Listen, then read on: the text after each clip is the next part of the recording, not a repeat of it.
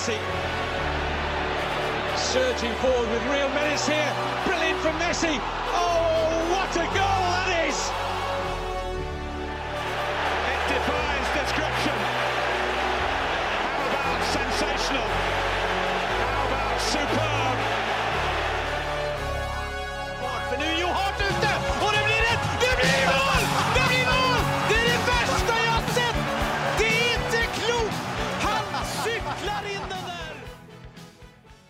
Ja da! Da var vi tilbake. 90 minutter tilbake. Vi tar aldri sommerferie, eller jo, det skal vi gjøre snart, men eh, episode 207 er i hvert fall på trappene av den eh, fantastiske fotballpodkasten 90 minutter. Med meg i studio har vi Mats Granvold! God dag, god dag. Jeg kjenner jeg har- ikke ha sjanse til å komme på det nivået der. Jeg er så langt unna. Har fått meg en øl her. Ja, jeg ser det. Jeg- jeg sliter litt med både stemme og, og hode, så det der energinivået der tror jeg du bare kan drite i. Men eh, ja, for du, du, du, har, du, har- du har pådratt deg noe nede i Kroatia, du? Jeg er litt usikker på hvor jeg pådro meg det, men det- det slo ut i full blomst i dag, i hvert fall. Eh, Eh, Kontrollspørsmål. Eh, hvor varmt var det ute i Kroatia? Hvor varmt var det? Sånn 30 I skyggen eller i sola? Ja, sola. Ja, der tror jeg jaggu du passerte 50 grader et par dager. altså. ja, ikke sant. Eh, point proven. Eh, brukte du aircondition inne i, hotellet ditt? Jo, men jeg, jo, det gjorde vi, men jeg sov ikke på et sånt rom. Oh. Jeg f- eh, sov på Altså, det var aircondition i stua, men ikke på soverommet, så dørene sto åpne. Ja, okay. Så jeg fikk ikke noe sånn aircondition-luft rett på meg. Nei, ok. Men jeg har gjort det her etter jeg kom hjem. da. Så jeg har jo aircondition på soverommet her. Så, så, så det kan være det her som er Det kan, Det kan være det, men eh, jeg har jo sovet sånn i tre uker før jeg dro til Kroatia. da. Det var jo ikke noe Nei, nei. Nei, men De der av varme temperatursvingningene, og nå går vi over til Søren Døpker her, de, de, de, de kan pådra deg noe stygge greier, de. Ja, jeg foretrekker det å være varmt, jeg. Det. Skal bare ha det varmt, han. Ja, altså, nei, so sover soverommet liker jeg kjølig, det er greit nok. Men uh, ute igjen uh, Fint og varmt. Nå, nå er det for kjølig og for godt og for vått. Og, ja. Når eh, Søren en gang banker på perleporten og Sant Petersburg, holdt jeg på å si, skal, Magdelenburg, mener du? skal slippe den inn, så ønsker Søren seg helst ned, han der er varmt. Er, det mulig å få til en ordning her? Men det er hyggelig, da. Originalbesetninga er uh, samla igjen. Det var veldig hyggelig å ha Jørn Henland her i ditt fravær, eh, Mats. Eh, men eh, Det hørtes sånn ut, i hvert fall. ja, vi kosa oss. Vi kosa oss så voldsomt, faktisk. men um, i dag så Ja, vi avslutter vel U21, og så skal vi snakke litt sånn Ja, det blir mye transfers, rykter, litt sånne smått og godt for en enhver smak. Eh, Vi kan forresten begynne med et spørsmål fra Brady Hangeland eh, på Twitter. Eh, Hvilke tre regelendringer tror dere panelet kunne forbedret fotballen mest? Jeg tenker da på banen, ikke økonomiske spilleregler. Min topp tre er 60 minutter effektiv spilletid, innspark istedenfor innkast, og offentliggjøring av kommunikasjon mellom dommer og VAR. Hva Har dere en topp tre-liste, dere? Ja, jeg har den. Ja, Altså, har den. Min ene er jo avskaffet vei. Jeg har jo vært tydelig på at jeg absolutt ikke liker vei, så den, eh, Jeg den tror, tror ikke vi skal gå inn i den Nei, diskusjonen igjen. men eh, den, den ryker på min. Eh, så har jeg lyst til å endre tilbake hens-regelen til mer forståelig og som den var før. Uh, mer hensiktsmessig. Uh, er det med vilje? Uh, fratar, man, uh, fratar man en mulighet? Blokkerer man et skudd? Uh, litt sånn sånne ting. Uh, ikke den der uforståelige visvas, uforståelige visvasen som er nå. Eh, og så har jeg egentlig lyst til å gjøre noe med filming og overspilling. Eh, Og drøying. ja. eh, altså, det er jo altså, Jeg hadde rett og slett vært tydeligere på at det skal medføre seg sanksjoner. Eh, drøying gult kort umiddelbart, og hvis du drøyer to ganger, så blir du utvist med ditt andre gullkort. Det er det jo ingen som gjør. Overspilling, da får du ikke straffe, da får du gullkort for filming. Og hvis du prøver å filme aktivt, ikke overspille, men aktivt filme til deg et straffespark, så bør det være mulighet for utvisning hvis dommeren er 100 sikker i sin sak, eller karantene i etterkant. Ja. ja. Ikke dum. Min uh, toppliste blir mer var. innføring av VAR i dagliglivet. Under oppvarming så skal VAR inn. Ja, ikke bare oppvarming. Jeg tenker f.eks. på butikken, på diskoteket, på puben. Hva, hva, er, det- blir du ofte urettferdig behandla der? Ja, men det, det, det, er, det er jo gjenstand til diskusjoner på en eh, pub i Oslo sentrum en lørdag. Ja, Men ikke på Prix på en fredag klokka Nei, fem? det, det, det, med, med, med mer var, da. Det, jeg, jeg, for eksempel, da, kommer en, eh, kommer en eh, gjest bort til, eh, til dørvaktene og så sier at han klådde på meg. Inn med var! En- Skal- Å ja. Å ja, sånn ja. Får han gult kort, får han rødt, hva skjer? Ja, altså Har han klådd mot hensikten, mot en hensikt, da, så, så bør jo det straffes i ettertid. Og da må jo VAR inn og, og se på det. Eh, men så er det litt sånn der, hvis det er ikke tilsikta, da. Klåing. uheldig. Uheldig klåing. Da kan jo VAR få en, få en veldig kjip rolle, da, eh, og bli tatt for sånt. Ja, ja. For eksempel når politiet kommer til en sak, da. Det er to stykker som har, har brutt løs på hverandre. Så er det sånn, hvem slo først? Hva med den situasjonen i Kongsberg? Der var det jo VAR inne. Det hjalp ikke, det. Så det er fortsatt VAR fungerer ikke! VAR fungerer ikke likevel! Det blir urettferdighet i samfunnet selv med VAR, skjønner du. Nei, men det er nydelig. Det er nydelig. Um, U21-finalen. England slo jo Israel ganske greit eh, 3-0, mens Spania karnøfla Ukraina med 5-1. Derfor blei det en finale vi ja, vi forutså nesten, kan vi si. Eh, England-Spania. Når Frankrike var så dårlig som de var, så, så var det der en veldig riktig finale. Eh, og, og vi sa det vel allerede etter to eller to par kamper i gruppespill at eh, her er de to beste laga. Og, eh, vi sa vel også at England var det beste laget, så jeg følte vi traff innertier på det meste underveis der. Ja, vi var- litt inne på at det var det mest solide laget.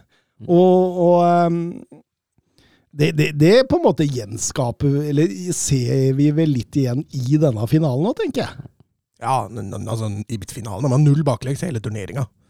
Eh, og det er ikke Donald Duck-spillere de har møtt hele veien, så eh, jeg syns England har vært meget solide defensivt. Og de har en sentrallinje som er eh, både fysisk robust altså eh, Si hva du vil om, om, om motstanden de har møtt, men eh, fysikken England har sentralt der, med Trafford i mål òg, som ja, det gjør noe rart innimellom, men han har vært ganske solid, da. Så, så er det ingen av lagene som klarte å matche det. Var, ikke, var egentlig ikke nærheten heller. Spania hadde litt, litt flyt i finalen. Eh, kunne rana den finalen, faktisk. Men, eh, men eh, jeg syns England vinner fullt fortjent. og Egentlig ganske imponerende. Det som hadde vært gøy, jeg satt og tenkte litt på det, jeg skulle tatt med de skriveniene i Nightman og sett de ultimate U21-landslagene til disse lagene. Mm. For, for det mangler jo mange, begge to. Ja, ja. Eh, England mangler jo flere, Spania mangler flere. Det hadde vært mye artigere. ja, det kunne blitt noen voldsomme lag. Da snakker vi plutselig Gavi og Pedri inn og Ja, Bellingham og ja, ja. Folk som har tatt over til A-landslaget. Ja. Ja, det er mye, mye krutt på de laga hadde blitt, altså. Men hva lot du deg imponere mest over eh, av England i finalen, eller, eller, eller syns du Spania var nærmere enn det Mats? Jeg, jeg syns jo Spania, Spania var litt nære. Uh, særlig i første omgang. Uh, jeg syns England starter best, men Spania tar jo etter hvert kontroll. Jeg syns Spanias presspill, når de begynner å presse høyt, når de står høyt og låser av England, så blir England pressa til en god del feil. Uh, og Spania klarer jo å legge et, et visst press på, på England. Jeg syns jo første omgang er en ganske jevn batalje, men da Spania egentlig er nærmest, og jeg syns målet kommer litt mot spillets gang, så står jo England Mats er inne på det. Veldig solid store deler av, uh, av andre omgang. Har litt flyt i at uh, Abel Ruiz ikke har sin beste dag. Han har jo den headinga uh, som så vidt går utafor, bommer også på et straffespark på overtid. Eh, det er ikke ufortjent at England tar det. De er farlige på overganger i tillegg. Eh, jeg syns det var en, eh, en fryktelig jevn batalje sett under ett, som fint kunne ha vippa begge veier, men at England til syvende og sist vinner den turneringa med tanke på den soliditeten som Mats nevner, som de har opptrådt med i hele turneringa, egentlig, eh, det syns jeg er helt fortjent. Ja, og litt det jeg mener med det, er ikke at, at England var så veldig mye bedre enn Spania, det er jo ikke det, men Spania var veldig langt unna å skåre, da, på tross av at de hadde mye ball. Mm. De var flinke i gjenvinninga, som du er innpå. De vinner mye baller høyt i banen, men det ender som regel bare opp med noe langskudd. Eh, I andre omgang så blir det litt flere innlegg, og, og, selvfølgelig den straffesituasjonen, men ja, Men, den straffesituasjonen ah, Bør VAR inn og si fra til dommer Eikås der? Nei, absolutt ikke. Jeg syns ikke det. Jeg syns det ikke det. ikke clear and Jeg, jeg, jeg syns ikke det. Jeg syns absolutt ikke det. Nei. Så det er ikke den til Lundemo heller, da. Ja, men den, den, er, den, den kan du ikke sammenligne med. Fordi, Jo, jeg føler den er sammenlignet. Nei, nei, fordi altså, Colville og Ruiz i den situasjonen der, der er Colville bare bakpå beinet til Louis som ligger i Altså, Louis sitt bein er i lufta, Mm. og, og, eh, og han bare skyver litt på det, og det Nei, Altså, det, det, det, er for light for Hvis, meg. ja, jeg er Altså. helt enig. Hvis du ser det, hvis du ser det i original hastighet, eh, og da er vi igjen på den der med, med i reprise ser alt mye verre ut hvis du tar det sakte. Uh, hvis du ser den i original hastighet, det er jo nesten ingenting der, mens Lundemo blir jo regelrett sparka ned. Det som er den egentlige skandalen med Lundemos straffespark, er jo at dommeren står sju meter under og ikke blåser han fra åpent spill, for det må, det må han se. Ja, ja. ja, ja. Nei, jeg syns ikke du kan sammenligne de to, Mats. Altså, Jeg ser et spark på begge to, eh, og det var derfor jeg mener at de kan sammenlignes. Eh, Og ingen av dem tar ball. Eh, Og når Ruiz riktignok er i lufta, han, er nok litt soft, så jeg bare spiller litt djevelens advokat her, men jeg føler den absolutt kan forsvares. Og så er jo spørsmålet clear and obvious, selvfølgelig, hvor Ja. den? Eh, likevel straffespark. James eh, Trafford redder jo den også. Holder seks clean sheet gjennom turneringen. Har aldri skjedd før. England tar seieren etter et ja, noe heldig Curtis Jones-mål. Han blir vel skutt på der, og, og ballen forandrer retning. Eh, Men eh, Torstein for Men eh, Var det Cole Palmer som feira foran Spania? Var det det, Ja. som, var det, det som Det var det som var problemet. Ja, han den eh, Usportslig, da. Ja, Men han feirer ikke, han kikker.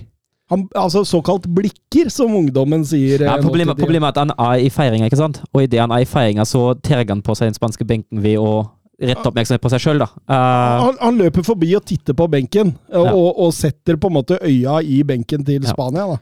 Uh, kan jo tenke meg at det har vært en forhistorie her. Han spiller på den sida benken her, så han har sikkert, det har sikkert vært noen meldinger hit og, hit og dit. Ja, jeg. altså, jeg så jo bare at det blei plutselig veldig Men, men jeg, men jeg syns jo det var en voldsom overtenning for å at fyren ser på dem. Han løper jo forbi og ser på dem.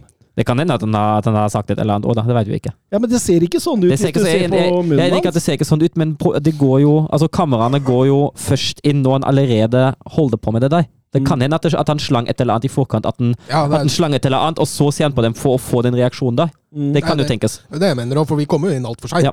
Men det var derfor jeg lurte på om vi hadde sett noen bilder som, av hele situasjonen. da. Jeg, ja, jeg prøvde å kikke litt på det, men jeg kunne ikke finne noe hvor du har bare fokus på han hele veien. Bildene sier at han ikke sier noe, og så det er som Søren sier, det kan ha skjedd noe i sekundene før der. Eh, men eh, Torstein for eh, Haugbotn spør eh, hva synes gutta om innsatsen til Eikås i U21-finalen? Jeg mener han er Norges beste dommer. Ellers vil jeg takke dere for en strålende pod. Dere leverer hver uke og bidrar til man får fulgt klubbfotballen i de viktigste ligaene i Europa. Takk, skriver han. Det var hyggelig. Det var veldig hyggelig. Uh, jeg er helt enig med ham. Jeg syns Espen Eikås er Norges beste dommer. Helt enig. Eh, han Det fikk skal ikke så mye til, eller? Heter han ikke Eskås? Ja, det er Eskås, jeg tror jeg. Ja, jeg tror det er Eskås, ja. Jeg blir litt forvirra. Men Espen Eskås, ja. Ja, Ja. Espen Eskås. ja. Så god koll har vi på de norske Ja. dommere! Men uh, jeg, jeg syns jo han ikke fikk en takknemlig og lett oppgave. Uh, det var jo Det ble jo litt betent. Uh, det var en det var en kamp som etter hvert var preget av veldig mye Veldig mye Følelser. taklinger, følelser. eh, en jevn batalje. uh, så det blir jo, jo tøft for ham. Jeg syns sett under ett at han gjør en, uh, gjør en grei kamp. Han har, han har jo noen avgjørelser der uh, som er litt, litt off. Den er, det ene frisparket som England fikk, og det gule kortet til Jeg husker ikke hvilken spanjol det var. Uh, lurer på om det var for Tsjekko eller noe sånt. Det var, jo, det var jo ikke noe i det hele tatt. Men sett under ett syns jeg han gjør en, gjør en god kamp. Flekker jo opp fire røde kort der, og alt mot benk. Ja. ja, men Ashley Cole så vi jo tusla i, Ja. tusla under tribunen. Lenge siden han har fått et rødt kort nå, så det var på tide. Men jeg, jeg syns egentlig det er fint at man, at man er konsekvent. Uh, at, man, at man straffer sånne ting konsekvent, da. Når det Mm. kommer, når det kommer bullshit fra benkene. Jeg er helt enig. Jeg syns han ser eh, solid ut. og det, det er jo sånn at denne Eskås eller Eikås, eller hva han heter det, det, det er jo sånn at det, han har jo fortjent denne finalen gjennom prestasjoner også, gjennom turneringen her. Så det er jo åpenbart Ja, og så har jo norske dommere fått straff da, for å dømme store kamper, fordi vi ikke har VAR i Norge. Eh, Så enda et argument i VAR-debatten. Ikke fordi dommerne er for dårlige, altså. Nei, nei, norske dommere er eh, klasse. Ole Sandstrand og Bernt Olav Hansen ønsker at vi skal eh, kjøre en turneringens eh, beste elver. Eh, nå er det jo sånn at det er vel jeg som har slukt mest U21-fotball av oss tre. Så vi blei enige om at jeg skulle sette opp en elver, og så skulle dere snakke, innvende og diskutere rundt den. Eh, og for meg da så blir keeperen James Trafford. Jeg, jeg kommer ikke unna. Nei, altså, han har, han har holdt eh, nullen i seks kamper. Eh, han blir den store helten ved å redde straffespark i finalen på overtid. Jeg ser ingen andre som eh, kan ta den plassen, nei. Jeg er helt enig. Mm, Istemmes. Er vel på vei til Burnley? As we speak, så Ja, det- Hvem var det som henta han nederlenderen i Anderlecht, da? Det var, Det var Brighton. Brighton. Selvfølgelig var det Brighton. Um, Høyrebekk eh, Det sto mellom tre. Uh, vanskelig å avgjøre, egentlig, men James Gardner, som gjorde en strålende jobb for England, out of position. En eh, Victor Gomez uh, i, i Spania der, som leverte bra. Uh, og, og se Ferreira i Portugal. og det, det, jeg det- jeg syns den er vanskelig. Den er, den er tre gode høyrebacker, så hvem som helst egentlig av de tre kan, kan gå inn. Ja, nei, altså jeg heller altså, Så har ikke jeg sett alle kampene, men Ferreira er vel, er vel den som skiller seg litt ut der, for min del. Pluss at det ikke bare er engelskmenn på det laget. Vært, vært solid. Mm. Eh, Vitoria-spilleren for, for Portugal i dette mesterskapet, så den er grei. På venstrebekk satt jeg Sergio Gomez, også out of position. Han var jo venstre kant eh, stort sett gjennom hele turneringen eh, for Spania der, men venstrekanten er okkupert, og derfor flytter jeg den ned. Eh, Har tre mål og to assist. Jeg syns han gjør absolutt med. Jeg syns han, har- han har vært strålende, så jeg er enig i den vurderinga der. Han spiller jo venstreback til vanlig i City, i hvert fall mye. Ja, ja. Så ja, kan eh, gå med på den. Han uh, er i en liten fight nå, da, med, med Cole Palmer, sin uh, Manchester City-kollega, etter de etter denne situasjonen hvor Cole Palmer feimer, feirer foran benken til Spania. Han har, har vært ute og sagt at han syns det var ekstremt usportslig, og at han måtte skjerpe oppførselen sin og sånt. Og ja, det Ja, det, det, han, han har sagt det rett etter finalen. Uh, ja, det, men altså det, jeg tipper at uh, når de snakker med hverandre neste gang, så er det glemt, og da går det greit. Det er, det er litt sånn som det er rett etter en fotballkamp, at kroppen er full av adrenalin, emosjoner er høye. Da er det som det er. Mm, mm. Stoppere. Det blir England-duoen Harwood Bellies og Levi Colville. Man kommer ikke utenom. Nei, det er ingen andre som jeg ser det. Nei, jo, jo, altså, Nevner Trafford, så er jo de to like mye årsak til at Trafford holder nullen, for å si det sånn. Eh, Det var eh, vanskelig å trenge gjennom der. Eh, Levi Colville der ser ut som the real deal nå, altså. Mm. Det ser ut som Altså, det talentet han har, i form av på en måte Han er trygg med ballen, han er fysisk, han er atletisk, han er, han er rask. Han er god med ball i beina. Han er god i Altså, han har hele, hele pakka, altså. Det der, der ser meget, meget bra ut for Chelsea sine vegne. Eh, Høyrekanten Det blei Cole Palmer, altså. Mm. I, i, faktisk i konkurranse med Madueko og Bradley Barcola. Ja, Ma- Madueke syns jeg jo altså, han, han ser jo til tider bra ut, og det, det er fint, men altså, ja, han var veldig god mot Tyskland. Men jeg syns til tider at det mangler litt sluttprodukt på ham, altså. Det, det, det kan få så være, og det er nok grunnen også til at Cole Palmer ble valgt der i finalen mot, mot Spania. Mm. Eh, venstre kant eh, kåra til turneringens beste av Ja. Uefa, Anthony Gordon. Det er ikke noe, ikke noe å si på det. Det er klart. Jobba steinhardt i, i begge veier der. Er du enig i den kåringa? Nei At han, at han var Han den var, beste Jo, han var god på slutten og i sluttspillet der. Så. Jeg ville valgt en av stoppera til England. Ja, jeg tenker også. Colville med en gang, at han Mm. har vært uh, outstanding. Men uh, altså, Gordon hadde jo Han dro jo opp nesten alt England skapte i finalen, var det han som dro opp, og han var god også i semifinalen, men uh, jeg syns det var litt merkelig at han, han fikk den.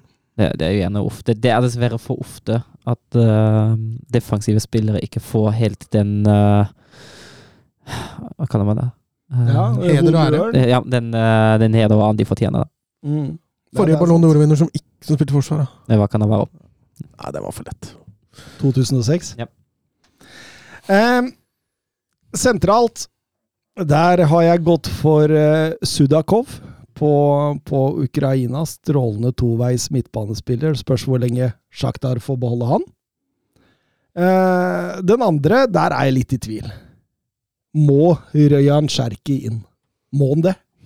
Altså, han spiller jo for et Frankrike Eller han har spilt bra for et Frankrike som har underprestert, da, nesten i alle kamper. Så han, han hadde jo forsvart en plass der. Det vel var Curtis Jones du hadde som, Mm. som konkurrent der. Jeg syns den er vanskelig, altså. Uh, Curtis Jones hadde jo flere kamper å vise seg på, da. Men Cherky var kanskje hakket Ja, bedre mm. i Skal vi ta Cherky, Ja. eller bare for å få det der England-monopolet vekk? Angripere Abel Ruiz og Morgan Gibbs White. Jeg synes Gibbs White var strålende i denne turneringen. Eh, Abel Ruiz, Braga-angriperen, eh, kan jo kanskje ha spilt seg til kontrakt i en større klubb i løpet av sommeren, men dette mesterskapet her, han så veldig god ut. ja, han, han fikk jo en maks uheldig finale der, da, men eh, ja, han, han har vært bindeleddet offensivt for, for Spania. Han har vært kaptein og hærfører, og, jeg- og jeg syns han har, har vist seg veldig bra fram. Selv om han ikke har vært all verden i Braga, så, så, så har han vist seg fram bra her. Eh, og så er han jo, som sagt, den finalen der tror jeg han skal glemme fortest mulig. ja, komme seg videre. Eh, nisselue på. Snakk litt om G19-landslaget også.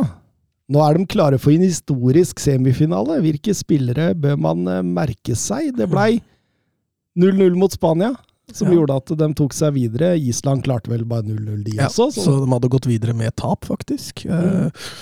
Men eh, ja, nei, denne, denne generasjonen her ser, eh, ser meget bra ut. Eh, igjen, det er jo flere vi mangler. Eh, så Pimienta, han, eh, treneren der, var ute og la ut at dette er eh, Jeg tror faktisk han skrev verdens best, fjerde beste U19-landslag. Eh, la det synke inn, sto det. Hvis han skal i verden, så er jo det ljug, for det er vel bare et EM, dette òg. Så, så det er mulig jeg husker feil. Men eh, det er mye spennende her. Alvanda, eh, Roaldsøy ser jo meget spennende ut. Har fysikken, har bra ferdigheter, har godt overblikk, eh, løpskapasitet. Jeg syns han ser, ser meget bra ut. Eh, Langås eh, Langås Skogvold, eh, Lillestrøm-spilleren, spilte jo veldig bra mot Hellas. Og så har det blitt mindre spilletid etter det.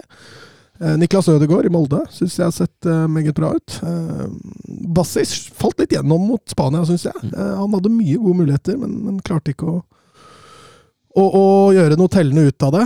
Men han også har vært, vært bra. Og så har jo Oskar Sira Sivertsen også har vært, vært bra framme der. Og Braude, ikke minst. Det er mye brukbart her, altså.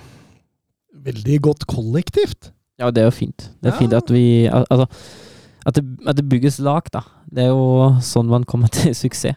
Og Ja, altså- Nor- Norge kan jo ikke stole på å ha de beste enkeltspillere hele tida. Nei, men også Jeg tenker jo liksom det Hellas-kampen 5-4, førsteomgangen der. Hvor fantastisk offensivt vi var. Og så må vi ha poeng mot Spania, og så klarer du egentlig å ufarliggjøre Spania. Et, et Spania som var ganske reserveprega, har vel bytta åtte-ni spillere fra, fra laget, men likevel. eh, Det er jo klasse, det som kommer inn i Spania der òg. Mm. Ja da, og Spania hadde jo noen forfall, selvfølgelig. Men jeg syns det er så rart med det EM-et der, når du ser laga som er med. Eh, altså Malta er jo én ting, fordi de arrangerer dette, men, men Island og Hellas er jo med. Det er kun åtte lag med. Og, og av de åtte så er det vel egentlig bare tre storlag. Spania, Portugal og Italia. Eh, Så jeg syns det er et eh, litt, eh, litt merkelig sammensatt eh, EM. Altså Frankrike, Tyskland, England. Det er mye stornasjoner, Nederland, som ikke er med her. Ja. Røyk i kvaliken, ja. Ja, det er jo Er er det ikke sånne, turne, sånne kvalikturneringer som spilles? Det er helt riktig. Ja, og de, de spilles vel igjen i løpet av noen få dager, så hvis man er litt inne i en litt sånn dårlig periode den, den korte perioden det spilles, så ryker man vel fort, hvis jeg ikke tar det feil, da. Mm. Jeg mener, jeg mener å huske at det var, det var ikke så voldsomt mange kamper til kvalik heller. Nei da, nei da, jeg tror det, det, det Du kan ha flaks og uflaks der, tror jeg. Ja, jeg tror det. Um, August Landstad. Real Madrid måtte kjøpe, ja. Sikter til Arda Gyler, som ble henta der. Det var kjipt, altså. Jeg så Kommer ned i Kroatia sånn på søndag, nei, på lørdagen. På søndagen så begynner det å gå rykter om Arda Gyler til Barca. Og sett den nå, og den ser jo helt fantastisk ut. Eh, Og fikk jo forhåpninger. Dagen etter så var den signert for Real Madrid, så det var et ordentlig blow. Eh, Men, altså, altså, det er jo det er jo et kjempetalent. Mm. Uh, han blir jo kommet til å bli fantastisk om utviklet fortsetter som det her. Men er det fornuftig for Real Madrid å bruke 20 millioner øre på enda en sentral eller offensiv midtbanespiller? Ja, men han er, kan også spille Han kan spille kant, ja. Mm. Ja, Han kan ta sånn innover, innoverkant. ja. Men, men spørsmålet er jo om han får så mye spilletid allerede denne sesongen. Altså, vi, vi snakker jo om en spiller som har fysikk som en bokscola. Altså, han er jo ikke svær. Altså, han Nei. trenger tid, for han kan ikke gå inn her i La Liga og, og, og, og være primus motor i, i, i Real Madrid. Nei, Det er litt rart hvis de har henta inn han til, som en umiddelbar forsterkning, men, men det er et enormt potensial der. og At han får en del spilletid i år, det, det tror jeg. Ja, og sånn angrepsrekka til Real Madrid ser ut nå, så er det jo et høl der. Ja. uh, og, og, men det er klart, du må jo rokere litt der. da. Enten så må han inn som en falsk nier, eller så må Rodrigo inn som en falsk nier. Ja, altså, det, er jo, det er jo et høl, altså, samt, men samtidig mangler de også backupene der. Ja, men altså nå Jeg føler Real Madrid får en veldig kjip sommer nå, fordi de venter på Mbappe. Det Mm. er ikke aktuelt å hente en klasse nier når Mbappe kommer neste år. Eh, og da blir, kan det bli et litt kjipt overgangsvindu nå. Ja, absolutt. Vi, du nevnte Mbappe der. Det er, det er jo en eh, på, på mange måter en grei eh, overgang til Jørgen Nystuen sitt eh, spørsmål. Tror dere det foreligger en muntlig avtale om at Mbappe kommer gratis til Real Madrid neste sommer? Jeg tror det. At det ligger noe muntlig der. Um, så ikke så hadde ikke PSG og, og Khalifa der eh, reagert så kraftig som han gjorde, både i media og, og, og rundt om forbi. Eh, for han ser nå at Mbappe går gratis om et år. Um, så får vi se hvordan PSG løser det. Skal de gi inn spilletid, eller skal de Ja, eh, for det, for det Kelaifi sier, han sier ehm, Vi hadde en avtale med Mbappe verbalt. Derfor er jeg sjokkert og trist over situasjonen han har satt oss i. Vi kan ikke sitte og se ham forlate klubben gratis. Hvis Mbappe ikke ønsker å skrive ny kontrakt her og nå, eh, så er døren åpen for å forlate PSG. Ingen er større i klubben, ikke spillere, ikke meg selv. La det være klart. Eh, for, for meg da så virker det jo som at, eh, at PSG nærmest vil aktivt gå ut og prøve å selge den for Ja. penger nå. Det virker veldig sånn. At uh, nå De har innsett at han ikke kommer til å få De, de, de, de, de mener nok at slaget er tapt, eh, og der vil de nå få mest mulig ut av den. Og det er jo sånn sett fornuftig. Men uh, problemet er jo når det kommer med en sånn uttalelse, så vet jo alle andre at slaget er tapt òg. og der setter du deg sjøl i en dårlig forhandlingsposisjon. Og da sitter jo Real Madrid der, sannsynligvis eh, på grensa mot FFP nå, etter åssen man forstår Perez sine siste utsagn. Eh, sannsynligvis så vil det være økonomisk uklokt å hente Mbappe for Det går bare an å spekulere hvor mye PSG kan slippe den for nå da, når, hvis de tenker han er tapt neste år. Men eh, i hvert fall ikke under 100. Ja. Og, og, og, og da tenker jeg eh, Kan det være likevel da at Real Madrid kan miste han? Ja, vi Ja. satt jo her for ett, nei, to Mhm. år siden og diskuterte akkurat det samme om om det var verdt for Real Madrid å kjøpe han. Jeg diskuterte vel for at de burde gjøre det, eh, for at den ikke skulle gå andre steder. Nå er de jo i den situasjonen igjen, helt likt. Jeg tror nok det ligger en muntlig avtale der på at de skal, han skal dit. Men så lenge det ikke er noe skriftlig, og det har de jo ikke lov til å gjøre heller, så, eh, så tar de en risiko hvis de velger å ikke kjøpe den ut. Altså. Men, altså, men så tenk, tenk hvis Qatar kjøper opp Manchester United og tilbyr det dobbelte, tredobbelte i lønn til en pappe som Real Madrid gjør nå Da ryker han! Ja, Ja. det. Da blir Manchester United-spiller på flekken. Så- Det var, vel, det var vel en muntlig avtale om det sist. Per, Peres var vel dødsforbannet da han forlenget PSG sist. Var det ikke noe sånn da? Jo, Mm. Ja. det var det vi satt og diskuterte Ja. den sommeren, husker jeg. Så jeg, jeg vet ikke hvor mye jeg hadde gitt på de muntlige avtalene der. Til og med gamle sportsdirektøren Leonardo var ute nå, så jeg. Eh, sa vel noe som at uh, Mbappe mm, har vært i Paris i seks år nå. Eh, PSG eksisterte både før eh, Mbappe og kommer til å eksistere etter Mbappe. På disse seks åra har det vært fem forskjellige Champions League-vinnere, så det viser at det er mulig å vinne Champions League uten Mbappe. Han er ingen Champions League-garanti, og hans oppførsel det han viser nå, Det, det gjør aller helst PSG klokt i å kvitte seg med den. Fort som mulig, sier han. Ja, det, det, han har jo helt rett. Eh, PS, altså, eh, PSG har ikke vunnet Champions League med Mbappe. Det er åpenbart ikke noe garantist. Eh, og den oppførselen til Mbappe den har vi jo diskutert flere ganger òg. Det, er ikke- det er ikke første gang at han, eh, han viser dårlig oppførsel denne sesongen her. Eh, Så jeg er helt enig med den analysen der, altså. Tenk det. Han casher han ganske mye lønn, altså. Jeg tror mm. han har milliarder han har tatt ut i lønn i PSG. Men det kommer til å bli en saga utover hele sommeren, dette her, vet du. Litt sånn Harry Kane. Ja, den, den tror jeg lokkes eh, tidligere enn Mbappe, for å si det sånn. Og så, og så kommer vi i tillegg med tanke på den spillestilen som Louis Enrique liker. uh, den ballbesittende, dominerende fotballen. Det er ikke helt Mbappe-fotball, det der heller. Nei da. Nei da, absolutt ikke. Selv om Mbappe kan, kunne passa inn Ja, altså, med Drillo og Ja, ja, ja. Altså, Mbappe, Mbappe, Mbappe er en såpass god spiller at den passer inn overalt, men tapet blir mindre, føler jeg, da, for PSG. Sportslig. Ja, det, det, det, det kan jeg være med deg på. Em, byrival i Madrid, Atletico Madrid, har stort sett konsentrert seg på å hente defensive spillere. De henter Aspili Cueta og eh, Soyonchu gratis. De henter Xavi Galan og en ung stopper fra Uruguay med navn Santiago Morillo. Og eh, nå skal de begynne med midten. Pierre Emil Høibjerg. Eh, Marco Verratti blir det snakka om. Er det, er det spillere som kan gå inn her òg? er klassespiller i Simeone-fotballen. da. Eh, Galan òg, veldig artig type. Eh, hvis han skal fortsette med wingback, så er han jo et meget godt, eh, meget godt kjøp. Så Jonsho har jo veldig slitt i Leicester etter at det nesten ble klart at han ikke kom til å forlenge der. Så det blir spennende å se om han finner, finner tilbake igjen til gamle høyder. Skulle de få Verratti, så er det ellevill signering. Jeg tror ikke de gjør det. Eh, Høibjerg er kanskje litt mer aktuell, med tanke på spillestilen Tottenham har nå. men... eh, og det også vil være en meget god signering i, i Atletico Madrid. Passer jo som fot i hanske. Men uh, trøya til Shaw Felix den ble opptatt når han kom tilbake. Ja. Da er det vel uh, Grismann som har nå. Et større statement, det Ja, det er det vanskelig å få. Uh, og, altså, det viser altså, Han er jo i en dritkjip situasjon, uh, godeste Felix. For han, uh, altså, han koster veldig mye for Atletico. Uh, det er helt åpenbart at uh, Simione og han det, det går bare ikke. Han har fortsatt kontrakt en god stund til, og han er ganske ung. Og det vil si at Atletico Madrid, hvis hvis de skal selge nå, så krever de nok en ganske høy sum. Og jeg ser ikke helt hvilke klubber som kan betale en sum som har behov for den.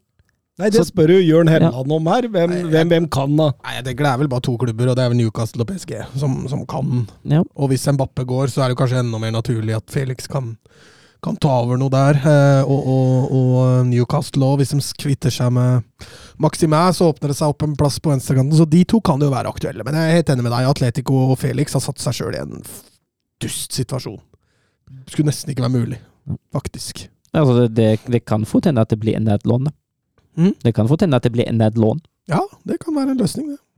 Det kan ikke bli en U-turn for eh, Chelsea? Jo, altså, vi, skal jo litt inn på den der. Jeg tenkte litt den samme tanken at eh, altså, hvis de kan få en billig, da.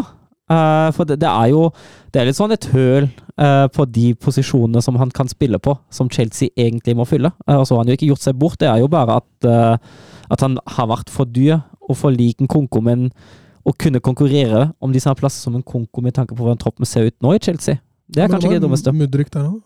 Ja, men altså, du har jo altså Vi skal jo inn på den Chelsea-troppen senere. Du har Modric på venstrekant, det er greit. Uh, og så har du, har du vel Stirling uh, Jeg skal vite, jeg husker ikke helt. det, Og så, har du bare Men på tieren har du bare en konko. Mm. Uh, og hvis du da får inn eh, Felix, så har du muligheter eh, til å rokere litt mer. Både Felix og Konko kan spille både på venstre og sentralt. Eh, samtidig har du da en situasjon der du ikke nødvendigvis blokkerer uh, Modric og hans utvikling gjennom en spiller som absolutt må spille på venstrekant hele tida. Mm. Uh, så jeg syns jo egentlig ikke det er en dum løsning for Chelsea. Nei, altså og, og den manageren som får det beste ut av, av Joao Felix, han vil vinne i lotteriet, altså. Eh, så, så jeg tenker jo Pochettino, eh, måten han på en måte klarer å og, å, å nesten ferdigstille fotballprodukter hele veien her. Han er jo ekstremt dyktig på dette å utvikle og, og, og ferdighetsmessig spisskompetanse. Det greiene der. Får han sluttprodukt ut av Joao Felix, så kunne jo det vært en match made in heaven, spør du meg. Men eh, ja, vi skal litt inn på det seinere, når vi skal gå gjennom eh, Chelsea. Eh, vi skal bli sportsdirektører der, vet du, søren. Vebjørn Fredheim, eh, godt kjent Westham-supporter, han, han spør oss eh, er Declan Rice, med et år igjen på kontrakta, virkelig verdt 123 millioner euro? Og hvem er de fem beste i verden i denne posisjonen? Altså 123 millioner euro har han jo ikke vært med, med, ett år igjen av kontrakten. Det er jo, en, det er jo galskap. Uh, det vil jo si at 100 allerede er galskap. Uh, problemet er jo at altså, For Westham, ikke problem, for Westham gledelig, er jo at, uh, at det er det markedet er villig å gi nå. og at Westham da slakter det så mye som, som de da gjør, det er, deres, det, det er deres fulle rett. så lenge noen er villig til å betale prisen, så er det som det er. det er den utviklingen jeg har tatt. Så det, det er det en engelsk landslagsspiller uh, per dags dato koster i Premier League. Det, det, er, det, er, på en måte veldig trist, uh, men Det er på en måte veldig det, det, er jo det. jo, men det er litt tilbake til dette med Mbappe. da. Uh, de kan ta en sjanse og, og, vente, og så risikerer de at noen andre plukker den mm. gratis. Eller så må de cashe så mye nå for å få ja. den. Og, og Western vet det veldig godt. Ja, ja, selvfølgelig. De har jo Men, melka denne kua så ja. nesten helt forlatt. Og, og, jeg tror Western lever veldig fint med om han spiller deg et hotell. Altså. Så de har ikke noe press. Nei da. Nei da. Nei, det er, det er, litt vanskelig det med verdsetting og sånt, fordi det er så mange parametere å ta hensyn til. Altså, eh, behovet er jo en av de viktigste parametera. Eh, hvor stort er behovet, men også kontraktslengde, lønn, kvalitet, selgende klubb, alder. Det er, det er, masse å ta hensyn til her. Eh, om behovet for Arsenal på Rice var 123 millioner euro, det er Ja, hvis de selger Party og Sjaka. Ja, Sjaka er jo solgt nå. Da, da, kommer behovet der, og, og um, Men, men um, ja, Sjaka er solgt. Party blir vel solgt. Og da, da, da syns jeg det kan forsvares. Fordi da får du en tvers igjennom strålende fotballspiller i den posisjonen i mange år framover, som bare kan levere og levere, og i tillegg er homegrown. Så det, det, det, det, tror jeg kan forsvares, men selve prisen Ja, den Altså, han går jo som han, han skal ha fire år igjen, og ikke ett ja. år. Ja, det er jo det som skjer, men det, er jo Alle vet jo at, de, at Premier League-klubben og særlig de i toppen er søkkrike. Mm. Og da blir det som det blir, at det blir en selvforsterkende prosess. Når du selger dit, så blir prisen automatisk 10-20-30 dyrere enn ved et salg et annet sted. Ja, for Granit Xhaka han gikk til Leverkosen, han. Ja, han gjorde det. da. Eh, for Leverkosen et kjempekjøp. Uh, akkurat den type spiller som de har leita uh, etter sentralt. Uh, de ville ha en som som, ja, som som, kan sette litt standard der inne, da. som kan være litt tøff. samtidig som Sjaka også har vist sine spilleegenskaper, så dette har jo på ingen måte en som bare støvsuger og ødelegger. Dette er jo en som også kan bidra i det offensive spillet. Uh, så for Leverkosen er dette en kjempeovergang. Han bygger bra, Alonso nå, Mats. Men, ja, for all del. Han, uh, jeg syns Leverkosen får et veldig spennende lag. Nå er de vel ikke ferdig solgt, så vi får se hva de, hva de ender opp med å miste, men uh, det ser ja. meget interessant ut. Og så fikk de en kjempe, kjempekjedelig nyhet. Vi, ja, vi, har ikke, vi, har jo ikke nevnt det, og Jonas Hoffmann gikk jo inn, til, inn i Leverkosen nå. For 10 millioner euro utkjøpsklausul tok Glattberg voldsomt på senga. De var veldig misfornøyde, for de sa at nei, vi har jo vi har tilbudt ham alt han ville ha, så gikk den likevel. Uh, Kjipt for Glattbar, bra for Leverkosen. Det er, det er et kupp. Mm. Uh, men i dag kom uh, melding om at Patrick Schick han er ute fram til i hvert fall oktober. Uh, ny operasjon. veldig, veldig sunn for ham. Han kommer seg ikke på beina. Um, så da må Leverkosen gjøre noe. Da skyter jo ryktene rundt Niklas Fullkrok i været nå. Så det kan jo hende at det blir noe deg. Jørgen Knutsen snakka om at han var på vei til Fiorentina? Ja, de hadde visst lagt inn bud, i hvert fall. Uh, på 15 millioner euro. Uh, for Bremen er jo dette å ha gull, for hvis den først går. Uh, at det nå dukker opp folk som virkelig har et ekstremt behov. de driver jo prisen opp. Mm. Ja, det snakka vi litt om i stad. Behovet. Ja. Mm. Men Fullkrug, er han god nok? han har jo i gåseøyne bøtta inn mål for et lag som, som havna Mer på høsten enn på Ja da, det stoppa litt opp. VM gikk ja, vel til huet på Ja, ja altså, jeg, jeg, tipper at han blir sliten, og så var han, var han en del skada etter VM òg, da. Han hadde noen fravær av kamper, samt at uh, Bremen i sin helhet som, som lag de slet litt uh, i løpet av hele vårsesongen. Men, men hadde jeg hatt 15 millioner euro da, da hadde jeg mer gått for Acor Adams, altså. Hvis du skjønner hva jeg mener? Ja, ja, ja. altså. Det, er, det er mange spisser jeg ville heller brukt 15 millioner euro på enn Niklas Ruud Fulkrug. 150 millioner, for da tror jeg Simon Mesfin eh, går godt i banken der, faktisk. Ja, jeg, jeg skjønner hva du mener. Altså, han er jo ikke den yngste heller. Altså, er jo Fulkrog han er jo en spiss som har et veldig begrensa ferdighetsområde, for Ja, å si det takk. sånn. da. Takk. Uh, for han, han er god Altså, han, han er jo Hvis du ser fotball på 80- eller 90-tallet der, der ser en spiss ut som Niklas Fulkrog. Han, mm. han er som en spiss tatt ut av fortida. Ja. Han er, han, ja, men han er jo, han er jo han er litt, sånn, litt sånn Han er god i boks, ikke sant? Han er god på, de, på akkurat de områdene som en klassisk nia var god på før. Han klarer å skåre mål, han klarer å posisjonere seg, og så er han litt, grann, litt grann stor og sterk. Det er sånn det er, sånn det er nei. Kjøper du Niklas Fullkrug som din nummer nier nå, så er det akkurat som å ansette Sam Allardyce til å ta over fotballaget ditt. Det er dinosaur. Det er ikke godt nok. Altså, han bør være så glad han, for at han klarte å bøtte inn med mål og få med seg det VM-sluttspillet, fordi det er så begrensa, det jeg har sett han, at det, jeg kan ikke fatte hva Vicenzo Italiano skal gjøre med en i Fiorentina. Jeg kan ikke forstå hva Alonso skal gjøre med en i Leverkosen. Jeg, jeg kan ikke forstå det. Nei, du, du, må, du må jo sette den opp. Det er jo det du må gjøre. Uh, hvis du skal ha Niklas Fukok på laget, så må han settes opp. Og man, man, han må fòres og settes opp konstant. Mm. Og da kunne jo selv gamle Granvoll vært god, tenker jeg. Ja, da er jo Adams også vært 150 mil, hvis du skal sette den opp hele tida. Eh, Jørgen Knutsen, vi var inne på den i stad. Han lurer på hva Farke kan få til i Leeds. Han. Det tror jeg blir veldig spennende. Uh, I hvert fall i championship. Uh, altså, først, først syns jeg jo at det er fantastisk å se hvordan Leeds går fra Jesse March til Farke. Til, På- også Sam Allardyce var Ja, ja, ja, men altså, hvis, du, hvis du ser de to endepunktene, start- og endepunkter uh, i løpet av det siste året, i løpet av tolv måneder For altså March of Farke, det er, det er to ytterpunkter i fotballfilosofi, altså. Uh, det ene er ganske voldsomt uh, gegenpressing og den, den der RB-skolen per excellence, egentlig. Og så har du Farke som er Altså, det er jo ekstremt possession-orientert. Um, det som er med ham, da, det fungerte ikke i Glattbach, det fungerte ikke i Norwich i Premier League, det fungerte veldig fint i Championship. Det jeg tror han er helt avhengig av at han har Det beste laget. Ja, det er akkurat det. Og har han, har han det beste laget, har han et lag som klarer å dominere, så fungerer dette veldig bra. Så ser det veldig bra ut. Da er det attraktiv fotball. Uh, så jeg tipper at den rykker opp i en milit. Jeg, tror, jeg tipper at den klarer det fint. Og så hvis den fortsetter i Premier League, så går det, ja, det ned igjen. Det, det, det er sånn det, det, det er, det er sånn der jeg etter å ha sett ham nå, at det er litt sånn det som er konklusjonen min på ham, egentlig. Det blir spennende å se hva som er igjen av dette Leeds-laget. De låner jo spillere over en lav sko her. Ja, jo Rente gikk vel til Roma nå, og Koch gikk vel tilbake igjen til Dys Frankfurt, ja. Frankfurt var det, stemmer. Så Brennan Aronsen ja, i Union Union. Berlin, ja. Så mm. de Rocha er på vei til Betis, var det vel?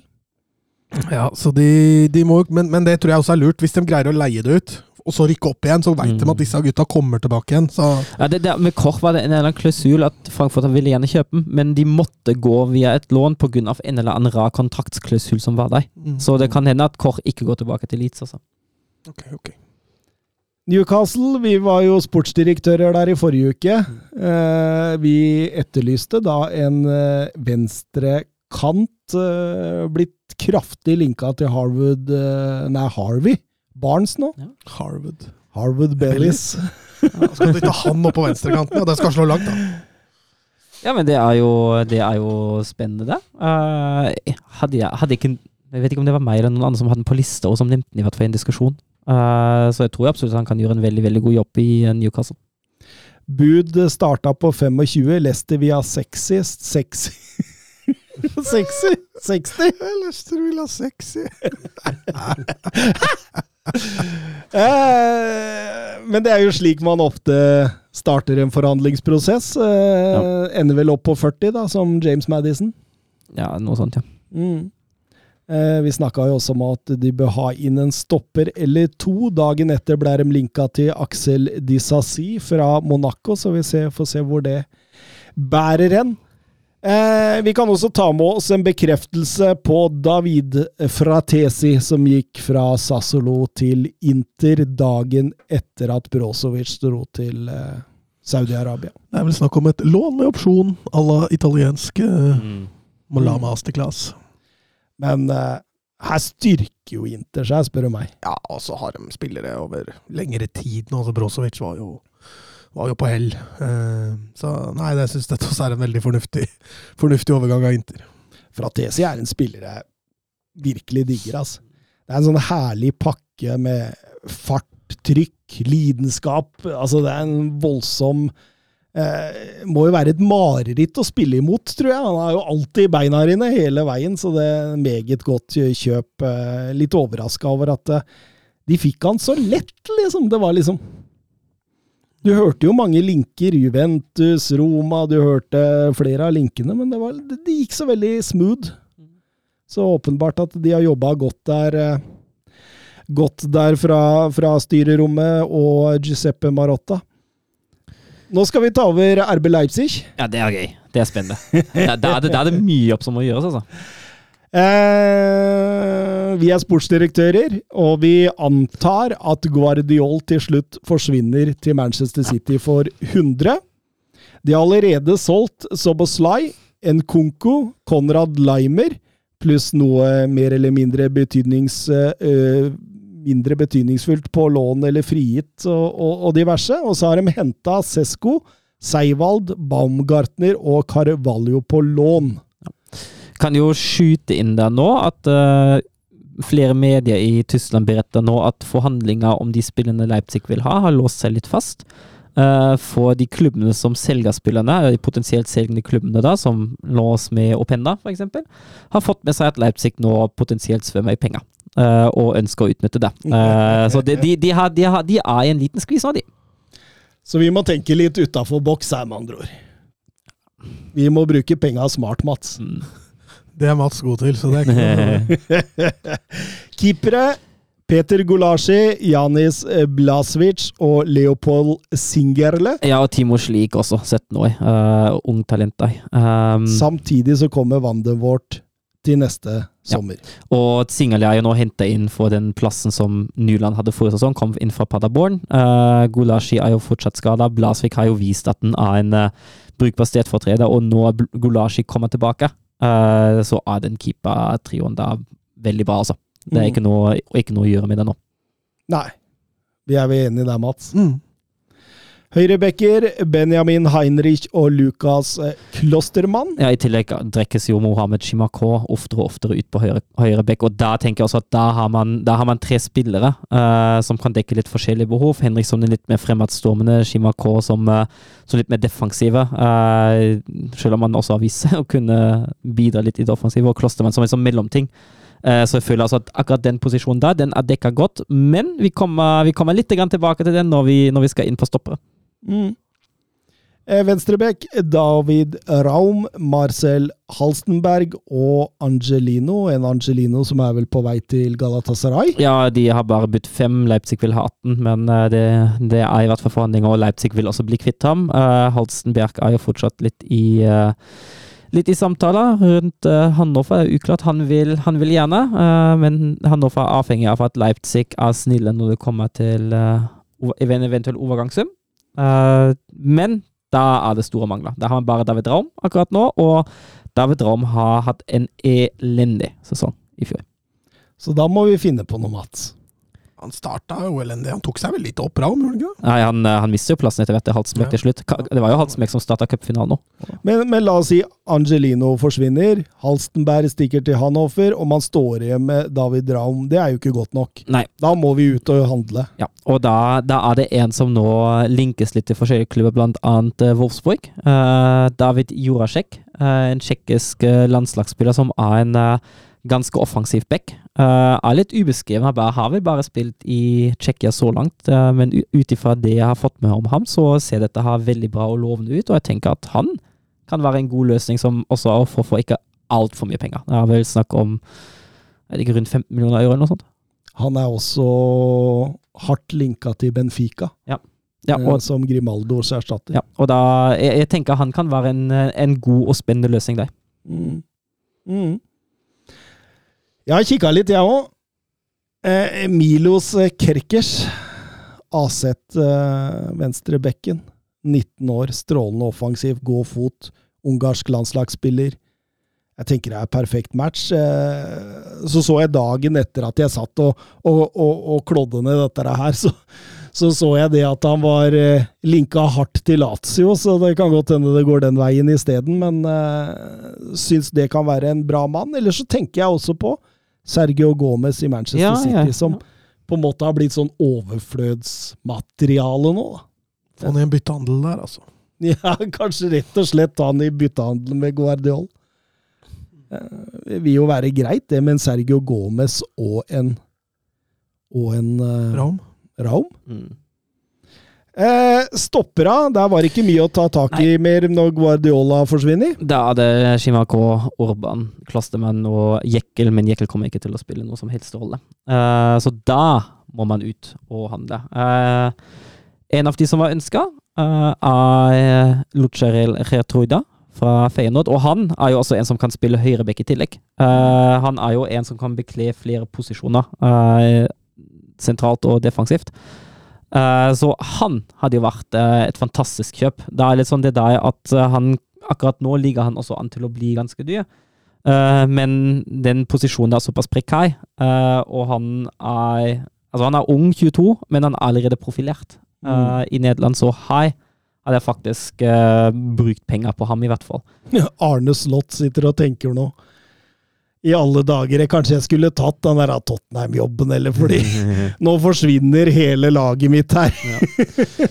Og en annen som Leipzig faktisk ønsker å ha, og som, eh, som jeg også ikke syns ser veldig dumt ut, er jo Castello Lucaiva fra Olympic Viljo. Oh. det hadde vært en fantastisk signering i dag.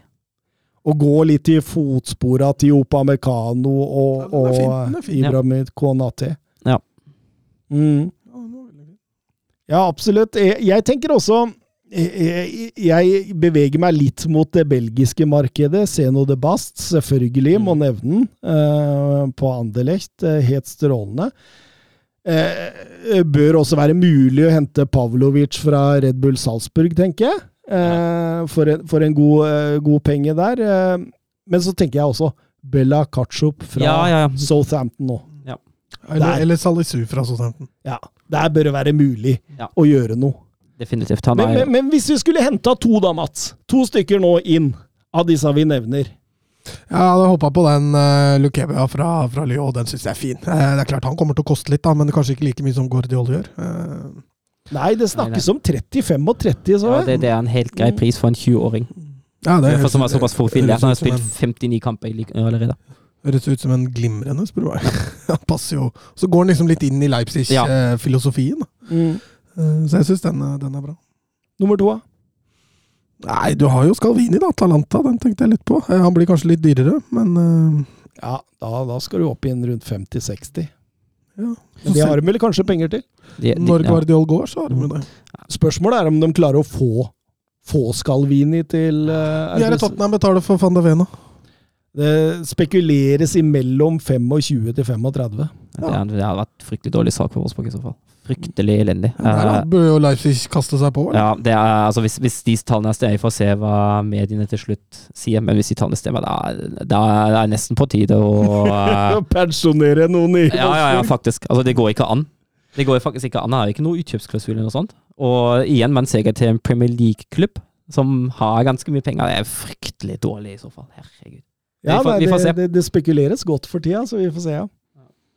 Men eh, ja, De sa si, da. de sa si. Ta to franske. To franske. de snakker sammen bak der. Simakan også, da vil de kunne prate sammen. Altså, jeg hadde gått for grunn av, en, eh, på grunn av den muligheten at den kan bekle flere, flere roller. Getruda og Ca- Ca- Castello Luqueba. Ja, det er de to. Definitivt. Veldig bra. Eh, balanserende midt. Ja, fordi Leipzig spiller jo en 4-2-2-2. Ja, de gjør jo det, så de har jo egentlig to stykker Yes. inn der. Eh, der har vi jo Slager, som du kjenner godt. Mm. Eh, De har fått inn eh, Seivald. Eh, Haidara, Moriba og Kevin Campbell, pluss en unggutt med navn Tom Kraus. Ja, tilbake fra Schalke. Uh, Kraus og Moriba kan fort ende opp med å forsvinne. Moriba skal forsvinne. Uh, jeg tror også ikke at Kraus nødvendigvis har, har en framtid i Leipzig.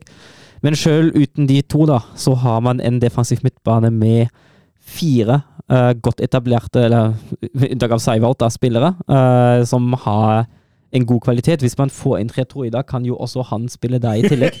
han kan spille ja, men, overalt! han kan spille høyrevekt, stopper og Ja. defensiv midtbane. Ja, ja. uh, og da tenker jeg at da er det egentlig ikke noe mer å gjøre der. Da har man fem spillere for en posisjon der man trenger to. Jeg er helt enig. Jeg har ikke noe forslag til bedringer der, jeg heller. Har du, Mats? Nei. Eh, offensiv Altså, ja, ja, ja, ja, ja, Nei, nei, nei, glem det. Offensiv sentral, altså de toera foran. Mm. Eh, Baumgartner, som eh, er nylig ankommet. Eh, Emil Forsberg, Caden Clark, Fabio Carvalho og Dani Olmo. Ja, eh, og da er det jo noe å gjøre. Eh, tenker Jeg Jeg føler at den kvaliteten som er der nå Altså På toppen, ja, kanskje Olmo er jo, er jo klasse. Forsbekk varierer. Han begynner også å, å dra litt på åra, men ser det også. Uh, Baumgartner har vært uh, veldig veldig god i Hoffenheim, uh, men er kanskje litt mer litt mer uvisst. Så jeg syns det skal inn en til deg. Det ryktes jo både rundt Jesper Lindstrøm og Johan Bakayoko. Uh, hvis det hadde vært muligheter for det. En som jeg syns har vært kjempespennende i den miksen, er jo Xavi Simmons. Selvfølgelig. ja, se om han går tilbake til PSG. da. Fikk han ikke et par dager på seg til å bestemme seg? Mm. Han har tilbakekjøpsklausul der. Han virker ikke som han er veldig Nei, jeg tror, Hadde du hatt lyst til det, så hadde Og- du bare hoppa på med Ja, en gang. det er jo det, det som var jo så spennende, at de hadde en tilbakekjøpsklausul med ham, ikke med klubben. Så Mm. det er en rar kontrakt, det der, altså. eh, kanter og spisser. Eh, Hugo Novo, Novova og eh, Fabrice Hartmann eh, ut høyre, to unge spillere. Det er bare å selge.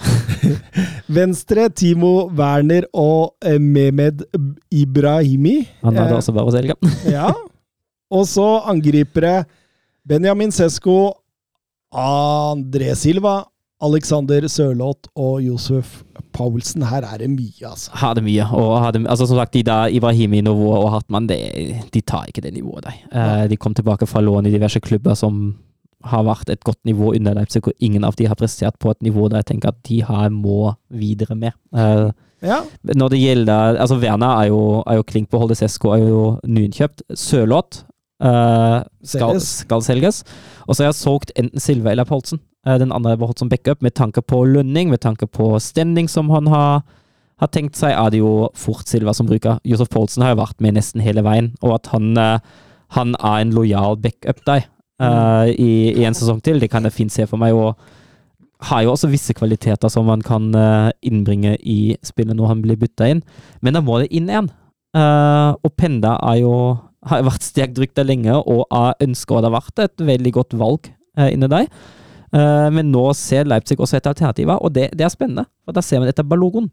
ja. Og det tror jeg hadde vært, eh, hadde vært veldig fint om uh, Openda viser seg å bli altfor dyr. Den er interessant. Gift Orban, da? Ja, Gift Orban er jo, er jo rykta faktisk til AC Lons i tilfelle Openda skulle gå. Ja. ja. Danjuma han blir ikke værende i Tottenham. Nei, han, eh, han er forlatt. Men han er jo mer, han er jo mer kant. Mer kant, ja. ja men, hva- men Backup på Timo Werner. Mm. iblant så bruker de jo litt sånn Ja. Altså, de Ja, ja. bruker jo et par kanter inn og sånt, så, så, så, jeg- så jeg regner jo med at Marco Rose ønsker fortsatt den fleksibiliteten der, da. Altså, hvis du sier da at stort sett alt av kantspillere på, på en måte breddeholder og offensivt kan selges, så, så må man jo ha noe inn her òg. Ja, men altså, Werner har jo ofte hatt den rollen at han Ja, litt ut venstre, ja, men så må vi ha noen ut høyre. Ja, men altså, Det, det, det, det er Soboslai har kommet vet du, inn fra Ja, sin, han- sin han- midtbaneposisjon og ut. han har jo heller hatt den rollen bak. uh, altså bak spissen, da. Uh, så det er jo en av de offensive som i så fall må ta det. Uh, og da, altså, da tenker jo både Cavallo og Baumgartner og også Olmo kan fungere, da. Eller så kan de hente også han Arsen Zakarian fra Dynamo Moskva. Hvis vi får en sånn anti-Putin-garanti fra han, så, så, så kunne det jo vært eh, mulig å, å, å hente den ut mens krigen herjer. Anti-Putin-garanti. Jeg veit ikke om du får det i, i kontrakten din. Nei, det tror jeg ikke går. Charles de Catelera har jeg også tenkt på, inn Mm, der, ja. for å liksom på en måte frigjøre nå fra dette Milan-marerittet. Det har vært spennende, da. Og de også som får Chukwese til å funke. På ut venstre, da. Men nå sa Søren at det var godt besatt der. Ja, Mm. den, den, den rollen tar jo igjen Timo Werner, som sagt. Men da er vi fornøyde, da? Ja. mye jobb å gjøre for Max Eber. Mye jobb å gjøre for Max Eber, ingen tvil om det. Vi skal over til en eh, Han er så å si don deal. Vitor Roche fra Paranese til eh, Barcelona for 30 millioner euro pluss add-ons. eh, 26 millioner euro eh, i add-ons basert på prestasjoner og trofeer, og 5 millioner euro ekstra om han blir topp tre i en Ballon d'Or-kåring. Eh, man forstår jo virkelig det siste der. Han har virkelig potensial til å bli en eh, Ballon d'Or-kandidat, men eh, hvor fikk Barcelona disse pengene fra sånn plutselig? Nei, ja. Vaskemaskina i kjelleren stoppa vel endelig, da, som fikk tatt ut noen reine, fine sedler der nede. Eh, Men, men jeg hyller kjøpet. Det er ikke Beirin, det er ikke Aubameyang, det er ikke Marcos Alonso her. Her, her kjøper man eh, en potensielt ny Neymar. Altså, man kjøper potensielt vanvittig klasse. Dette er en spiller som eh, Altså, han virkelig ønsker å spille for Barcelona. En spiller som har holdt kontakt med Deco over lang tid, åpenbart. Kvalitetene er så ekstreme. Jeg har jo flåsete sagt det før, at eh, det, han virker som kjærlighetsbarnet til Neymar og Hulk. Det er eh, en god blanding av en råskap og en teknikk der som Hvem ligger på toppen der, når de lager det båndet? Jeg håper, jeg håper det er Neymar. Hulk står bak, i hvert fall. Det Men, men, men, men du må jo være i sjuende himmel du over dette, Mats? Ja, altså Han har jo vært bekrefta, så til og med Romano var ute og bekrefta han for, for ganske lenge siden. Så så liksom hele tida dukka opp at han er ikke klar, og PSG har meldt seg på, og flere har meldt seg på. Så du liksom sitter og venter og venter, da. Men han vil jo åpenbart til Barcelona, eh, og, jeg syns Barca ser ut som har fått en veldig god pris, uansett hvem, hvor de har fått penga fra. så... Altså Vinicius og Rodrigo var jo nesten det dobbelte, eh, så, så dette var eh, Jeg syns det virker som en god handel, og jeg tror Barca er litt i den situasjonen nå hvor det lønner seg å, å heller putte mer på overgangssummen som bonuser, da. Altså Ballon d'Or topp tre, eh, vinner ligaen, så får du Altså Det er ikke sikre penger, da, for, for, for de som selger. Nei. Nei, jeg syns det er en uh, strålende deal. Uh, en spiller jeg har- faktisk har fulgt et par år. Uh, Vi om han kommer nå, da, eller om han kommer, kommer til eh, 2024. Mm. Eivind Stølen, Aubameyang fortsatt uten klubb og foreløpig ingen Saudi-Arabia-kontrakt. Kan virke som han fortsatt klamrer seg til et håp om Barcelona. Eh, han gjorde vel det sist helt ok der, men skal man tro på fremtidige Barcelona-prosjekter, så kan man jo ikke dra han inn igjen. Hvis de gir han en fireårskontrakt, da Da kommer jeg aldri til å se Barcelona igjen. Altså, det er klubbdrift på så lavt nivå. Det er, Tenk, det- tenk, tenk Aubameyang inn på portene til Spotify-kamp nå, altså. Å, det, da hadde jeg ledd! Ja, ah, jeg hadde ledd! altså Ja, det, det, er, det, er, det, er, det er kanskje verre enn å kjøpe Maguire for 50. Ja, hente Aubameyang gratis? Ja, ja. Ja. ja, ja helt enig. Altså, Kjøper du Maguire for 30, til og med det er verre enn å hente Er ikke verre enn å hente Aubameyang. Altså, altså Barcelona var dumme første gang de henta Aubameyang, og så, fikk, og så kom de greit ut av det pga. Ja. av Todd Boiley tok over eh, Chelsea. Hvordan tror du situasjonen med Aubameyang i Barcelona hadde vært per dags dato om ikke Todd Boiley hadde henta han ut? Nei, han hadde bare lagt, uh, lagt trøbbel. Han hadde jo sittet der og sutra, Ja, for han hadde ikke spilt. nei. Det hadde bare blitt en lønnskostnad som hadde sittet og vært vrang på Ja. sidelinja, og, og, og sannsynligvis tenkt at eh, jeg burde spille framfor Lewandowski. Eh, hva er det dere driver med, liksom? Så det, nei, det der, der har jeg liten eller ingen tro på. Jeg vil ta med et par ekstremt spennende signeringer fra Renn. Dette her er morsomt, skjønner du. Renn som vi har hylla som det offensive, kule fotballaget. Ikke sant? Har masse sluttprodukt der, har masse eh, X-faktor.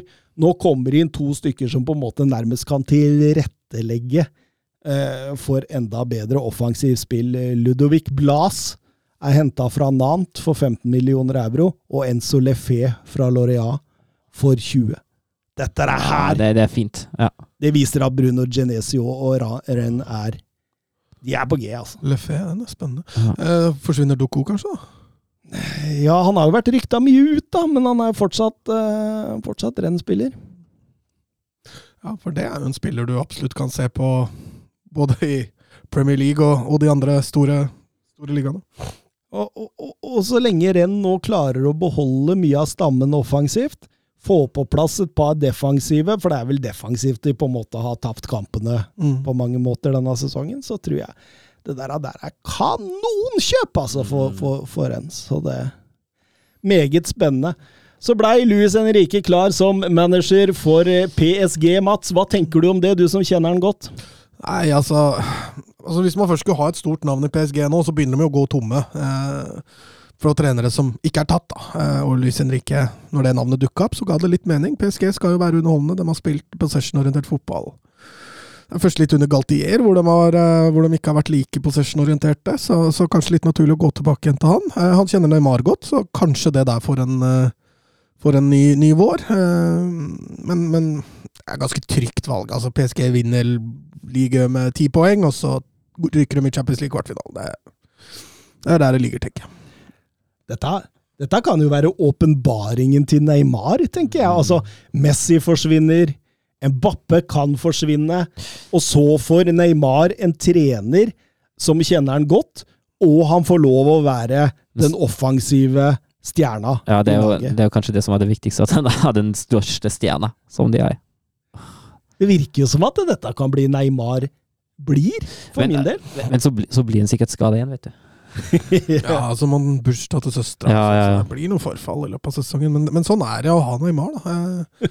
Det er litt drama, det er en, det er en primadonna. eh, Så jeg tror Men, men jeg er enig med deg, Thomas. Hvis, hvis Mbappe forsvinner nå, da sitter Neymar med gode kort eh, for en god PSG God PSG-sesong, altså.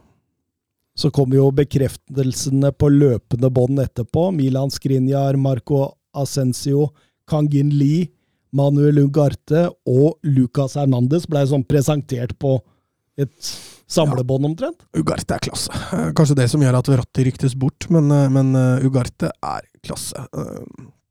Begynner med å få en veldig stor stall, da, selv om Messi og kanskje Mbappe forsvinner, og det har jo forsvunnet noen, men, men de også må rense opp litt, altså, for alle disse kan ikke spille. Ingen tvil om det. Fredrik Konradsen. Med Mount og Onana inn, pluss Høylund, er Manchester United da en tittelkandidat i deres øyne, og tror dere det blir 4-3-3? 4-3-3 blir det fort. Um, Tittelkandidat Nei, jeg syns ikke helt at de er på det nivået at de kan Altså At man før sesongen sier at det er en klar utfordrer som kan holde det hele veien inn, men de kan bli en outsider i tittelkampen. De mangler pur klasse på høyre sida. På høyrebekk og høyrekant. Antony og Bisaka. Ja, eller Sancho, om du vil. Altså, Ja, altså- har, altså, Antony har hatt noen gode kamper, for all del, men over en hel sesong så har han ikke vært bra nok. Van Bissaka hadde en veldig god periode, og så dabba det litt av, og så har han vært litt skada og sånn. Og det, de mangler pur klasse på høyrebekken og på høyrekanten. Ja, Får de på plass det, så er de en seriøs tittelutfordrer. Ja, men ta det som er bredden, da. Jeg snakker om bredden til Arsenal. Jeg ser ikke helt den bredden i United heller. Ja, nei, først- nei, men Arsenal var jo en tittelutfordrer i år. Jo, jo. Så hvis de har en sterk nok elver og greier sånn noenlunde å unngå skader, så, så vil jeg påstå de er en tittelutfordrer. Men jeg er helt enig med deg. Idet McTominay og Fred og sånn skal inn, da, da detter jo dette av fryktelig kvalitet. Eh, Mount i seg selv som spiller Jeg blir ikke, blir ikke varm i bamsen av det kjøpet, men, men jeg forstår kjøpet i form av fleksibiliteten eh, Erik Ten Hag vil få her. For jeg, jeg, jeg tror ikke det kun blir 4-3-3. Jeg tror det blir en del mange varianter av det. Jeg tror det blir 4-2-3-1 i enkelte kamper. Jeg tror han, han liker den der fleksibiliteten å kunne eh, jobbe mot motstanderen på den måten der. Og, og Mason Mount er skreddersydd for å kunne skaffe en fleksibilitet. Eh, Onana, vi har jo nevnt den så vidt før. Eh, Er ufatt- bekrefta? Nei, så å si. Ufattelig at de ikke henta han gratis mm. tidligere. Jeg skjønner ikke den tanken der. Høylund Ok, Erik Ten Hag ønsket ikke å gamble i denne posisjonen, sa han. Så får vi se. Det er jo, vi var jo inne på det, at det er jo få niere som er risikofrie i form av å kunne gå inn og levere med en gang i Manchester United. Det er vel kun kanskje bare Harry Kane, omtrent, som kunne ha gjort det, og han får dem ikke tak i. Så, så, så der må man gamble. Og, og Høylund er spennende, altså. Ja, det er en ganske trygg gambling i form av at han har mange år. Eh, Han er fortsatt i utvikling og, og har spennende attributter, både fysisk og ferdighetsmessig. Um, så er, Jeg vil jo påstå han er ganske safe, men, men jeg tror ikke du skal forvente Høylund går inn der nå og setter 25 kasser denne sesongen. Det blir ikke en Haaland 2. Det blir ikke det. Så, men, men at han kan på en, Hvis han får en makssesong, da kanskje han skårer 20 par og 20 på, i alle turneringer. eh, Får en del spilletid. Ja, og så- og så- og så handler det også litt om at hvis man får en, hvis man får en brukbar nia at en har kan sette opp det systemet som man ønsker at, da, at det, altså Meningen er også at det skal bli lettere for de andre offensive rundt spissen å skåre mål. Eh, og ja, Han skåra kanskje ikke 25, da, men hvis han øker altså Nå har Rashford skåra mye, da, men hvis han øker at kanskje høyresiden også blir mer målferdig, da, så er jo det et godt kjøp. Men vi har jo snakka om uh, denne Erik den Haag-nieren. Skal alltid være en sånn nærmest en target-spiss.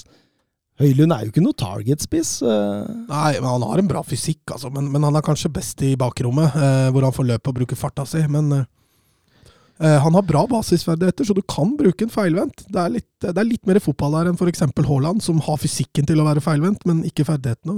Og, Høylund er litt motsatt. Så. Med god coaching der sånn, så kan du få det til å funke, selv om jeg er enig med deg. Jeg tror ikke det er det optimale bruken av han. altså. Nei, eh, blir spennende å se hvordan han konstallerer dette. Tønna på Twitter spør eh, hvordan tror dere Ten Hag løser midtbanekabalen, ganske gitt at Casimiro og Bruno forblir i de samme posisjonene, med hvilken rolle skal Mount ta? Det, det, spør, altså, det spørs jo hvilken formasjon han velger her, da. men jeg tror jo Mount vil gå inn i en Eriksen-rolle, på en måte, og nærmest utfase Eriksen litt mer i elveren der. Ja, Hvis ikke han har jo dytta Bruno på kant òg, med, med varierende hell, selvfølgelig. Men det er også en mulighet, og da, da åpner du jo rommet for Mount. Eh, og, og Eriksen kan fortsette. Og så kan han jo ha, hvis han har en treer på midten, så kan han jo ha denne V-en med Casemiro dypt, men han kan også snu V-en og sette Mm. Fernand, Fernandes som tier, og, og Mount og, og Casemiro Ja, var det han hadde suksess med med Eriksen og Casemiro i, i, i fjor, i hvert fall i enkelte av kampene. Så kan vel hende vi får se det en del òg. Jeg, litt, jeg vet ikke, jeg føler at Eriksen kanskje er litt tryggere i det defensive enn det Mason Mount er. mm. Så ja. Men uh, en 4-3-3 uh, med, med en Casemiro som rydder bak der, det bør absolutt være mulig. Casemiro er jo vant til å ha Ja, ja, denne jobben sjøl Ja. i mange år, så det er, det er jo sikkert ikke den store faren i det. Eivind Stølen, hvilken ny klubb tror dere er en potensielt god match for David De Gea? Halvor, Geir Halvor Kleiva lurer også på det. Nei, altså Det må jo være en klubb som, eh, som ikke stiller høye krav til en keeper med tanke på fotballferdigheter. da. Eh, jeg, jeg tenkte jo i forrige episode Inter Milan, jeg sto egentlig ved det, at eh, han altså han Danovic han hadde stor suksess i Inter Milan som skuddstopper. Og jeg tror at De Gea kan utfylle en, like, en lignende rolle i, i Inter. altså. Jan Sommer og Trobin Ja, er to keepere som er på vei inn i Inter. Så det der blir jo ikke digg, men jeg kunne tenkt meg at det, han- det hadde fungert da. Jeg har sikkert også fungert godt i, uh, i Juventus som en, eh, som, en som faser ut uh, Stensny. Jeg tenkte Juventus, skjønner du, Mm. så du, der er du inne. Og de henter jo pensjonister der nede Yes. over en lav sko, så han passer jo sånn sett fint inn. Gratis. Da, da, da våkner klubben fra Torino. Gamle dama. Eller så er vel, eh, hvis Marmadashvili går til eh, Bayern München, så er vel en plass ledig i eh, Valencia der han kan Ja, jeg tror ikke Valencia tar seg råd til det. Nei. Oscar Pepito, 50 for Maguire. 50! Vær gjerne med meg og le, ikke en gadd Todd Boiley på tvungen medisinering i strekkbenken.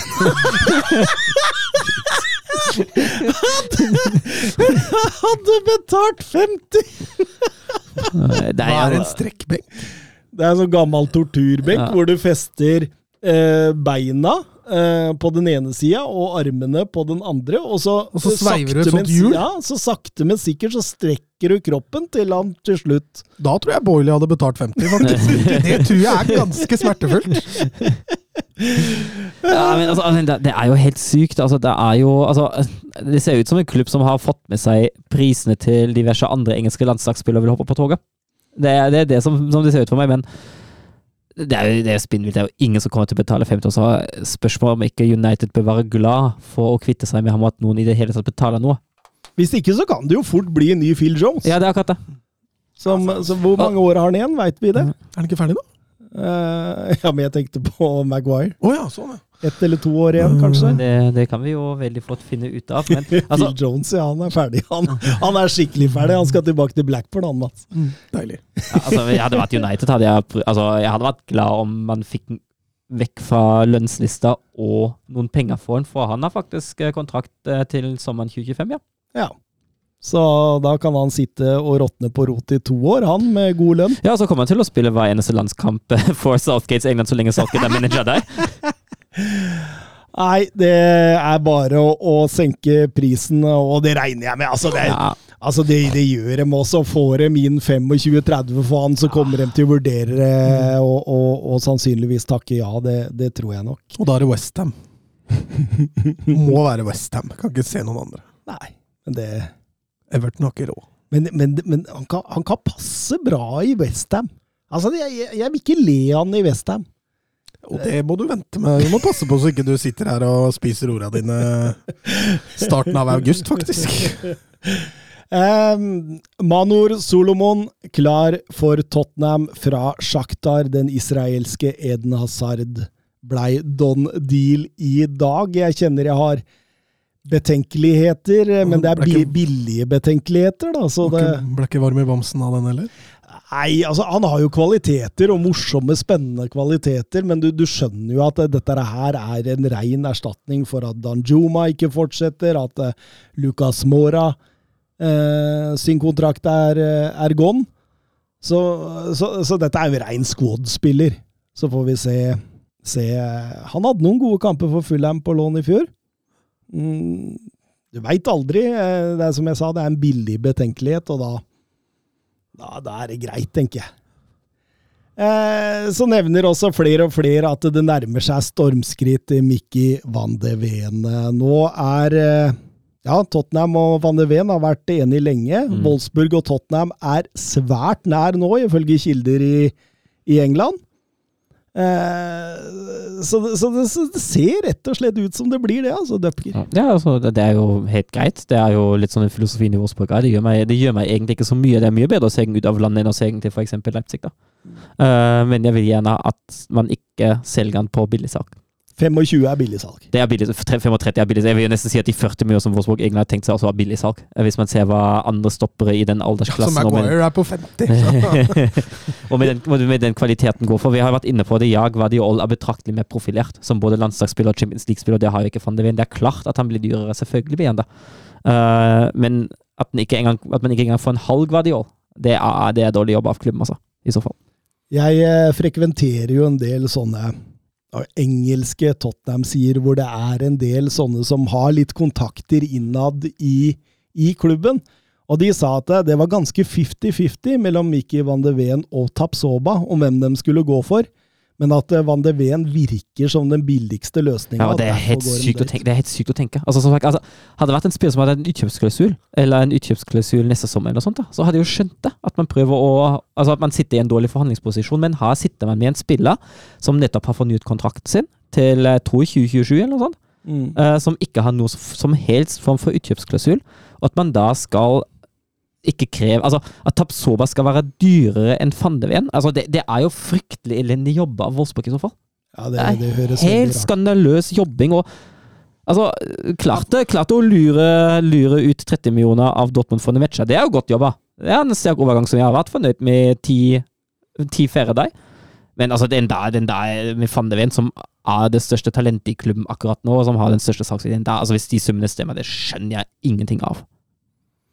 Kan jo hende de sikrer seg en fet videresalgs... Uh, Ja, men, altså, men samtidig, altså, Tottenham, ja ja, det er de greit. selger ikke, det gjør Det, det, det er litt det, da. Altså, det er ikke så mange klubber han kan gå til videre fra Tottenham. Nei, det er stort sett vært Real Madrid. Ja, Real Madrid. altså Alternativt, uh, alternativt eh, PSG eller noe sånt. da. Eh, eller hvis, en, eh, hvis man blir en i en klubb, altså type City eller noe sånt. da. Mm. Men det er, det er begrensa, og altså Nei, vet du hva. I, altså, vi får se hva det blir til slutt, men eh, det kan hende at eh, jeg er litt eh, Litt myggen neste episode, i så fall. Petter Martin Støvland, Daniel Levi er forbanna på Bayern München. Det var den overgangen, skriver han. Nei, det, det, det tror jeg ikke nødvendigvis. Eh, nå ser jeg at det, det jeg, altså, jeg tolker det litt som den der klassiske uh, dansen rundt en overgang, der begge sider prøver å presse prisen i sin retning. Levis forbannelse på Bayern nå, uh, det, brukes jo som en 'nå skal jeg presse' penger ut av Bayern, ikke sant? Eh, Det er jo sånn mediene vinkla det. Fra Bayern kom det, eller fra folk, og folk har jo voldsomt gode kontakter i klubben. Eh, kom det en artikkel i dag i Sportbild om at nei, men Bayern, vi kan jo vente til 2024, for Kane har jo sagt til oss at i verste fall kommer han i 2024, og det går litt igjen i den andre retningen. sant? At sånne artikler kommer i Tyskland, det skal jo bidra til å presse prisen ned. Eh, Så jeg oppfatter det hele egentlig som en, som en del av, uh, av forhandlingene og budene som nå flyr fra Tyskland til England. Jeg mener at det er en del av spillet, da. Mm. Mm.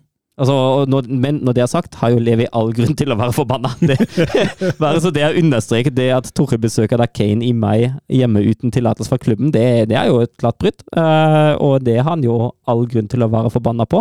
Kan hende man møttes tilfeldig, da. Nei, det gjorde- nei, det- Det, Det hadde jeg sagt, i hvert fall. Hadde jeg vært Tuchel. Bayern skal visst- visstnok ha besøkt både Declan Rice og Harry Kane. Uh, og det var jo da uh, Harry Kane altså Tuchel la fram litt sånn perspektiver, hvordan han har tenkt seg det i Bayern. Og da, da begynte jo Kane å bli litt sånn positiv til det hele, da. Uh, og den, den der, den som kom fra Falk for noen uker siden, at nå er Kane og Bayern stort sett enige, den kom sikkert i etterkant. Det var sikkert da de begynte å- å snakke litt mer konkret om det, etter det besøket der. Uh, det, det, det er sånn jeg oppfatter det, da. Men, Men, og det, det har jo Levi, som sagt, det har han all grunn til å være forbanna til. men, jeg, men jeg hører jo på en annen god podkast, rett som det her heter, som heter Tottenham på tolv, med Erik Heimdal og, og, og Peder. De er flinke folk som har god kontroll på Tottenham. og Eh, de de, de snakka jo litt om hvorfor skal Kane gå til Bayern München. Nå har han denne store, store eh, Premier League-rekorden eh, rett rundt hjørnet. Eh, og, og Bayern München, som de er inne på, de, de, de vinner jo ligaen omtrent. Altså, de vant ligaen med Choupo-Moting. Eh, en halv Choupo-Moting. Så, så vidt, men Ja, ja. ja, men likevel en halv Choupo-Moting. Altså, det, det, det er nesten sånn hvem som helst av niere kan gå inn der, og Bayern München vinner ligaen. Så, så, så, så, Erik Heimdal han, han var inne på det, og han sa at Jeg likte den veldig godt. Eh, å vinne ligaen med Bayern München for Harry Kane, da, det blir omtrent like stor prestasjon som en jomfru som går på horehus for å miste dyden sin. det, det, det, er, det, er, det er litt der. Hvor, hvorfor går den, søren? Nei, altså ut ifra det jeg forsto Ellers vil den gå, da? det- ut ifra det jeg forsto fra mediene i Tyskland, er det perspektivet med at det nå bygges opp et lag som skal virkelig angripe Champions League-tittelen. At man skal kjempe om Champions League, at, man, eh, at Tuchel nå setter opp en plan uh, og et lag, og det har jo blitt en stopper klar for Bayern som bringer dem litt nærmere, i hvert fall, Uh, til, å, til å virkelig ta, ta laget til nye høyder i Champions League. Uh, og ut ifra det som jeg har lest, i hvert fall fra folk og folknære journalister, da, uh, så er det nok det som er hovedgrunn. At man kan At man har et Det, det nåløyet er jo så ekstremt lite! ja, men, Du kan jo altså, ikke jo, jo. basere en overgang på å altså, vinne men- Champions men- League, man! nei, men Skal man det?! Se, Jo, det kan man. Eh, Bayern. Altså, basere Nå, nå tar du veldig i, da, setter det på spissen. Eh, jeg skjønner jo hva du mener. Eh, Men, men, men, men vi- vi- hvis han da, hvis han nå om to år står med to Bundesliga-gull og ingen rekord i Premier League, vil ikke det omtrent være en litt sånn Ok, Men hva skjedde jeg, nå? Jeg tror vel perspektivet er med litt mer enn to år. Kane, du har jo sagt det sjøl at Kane kan være god i fem-seks år til.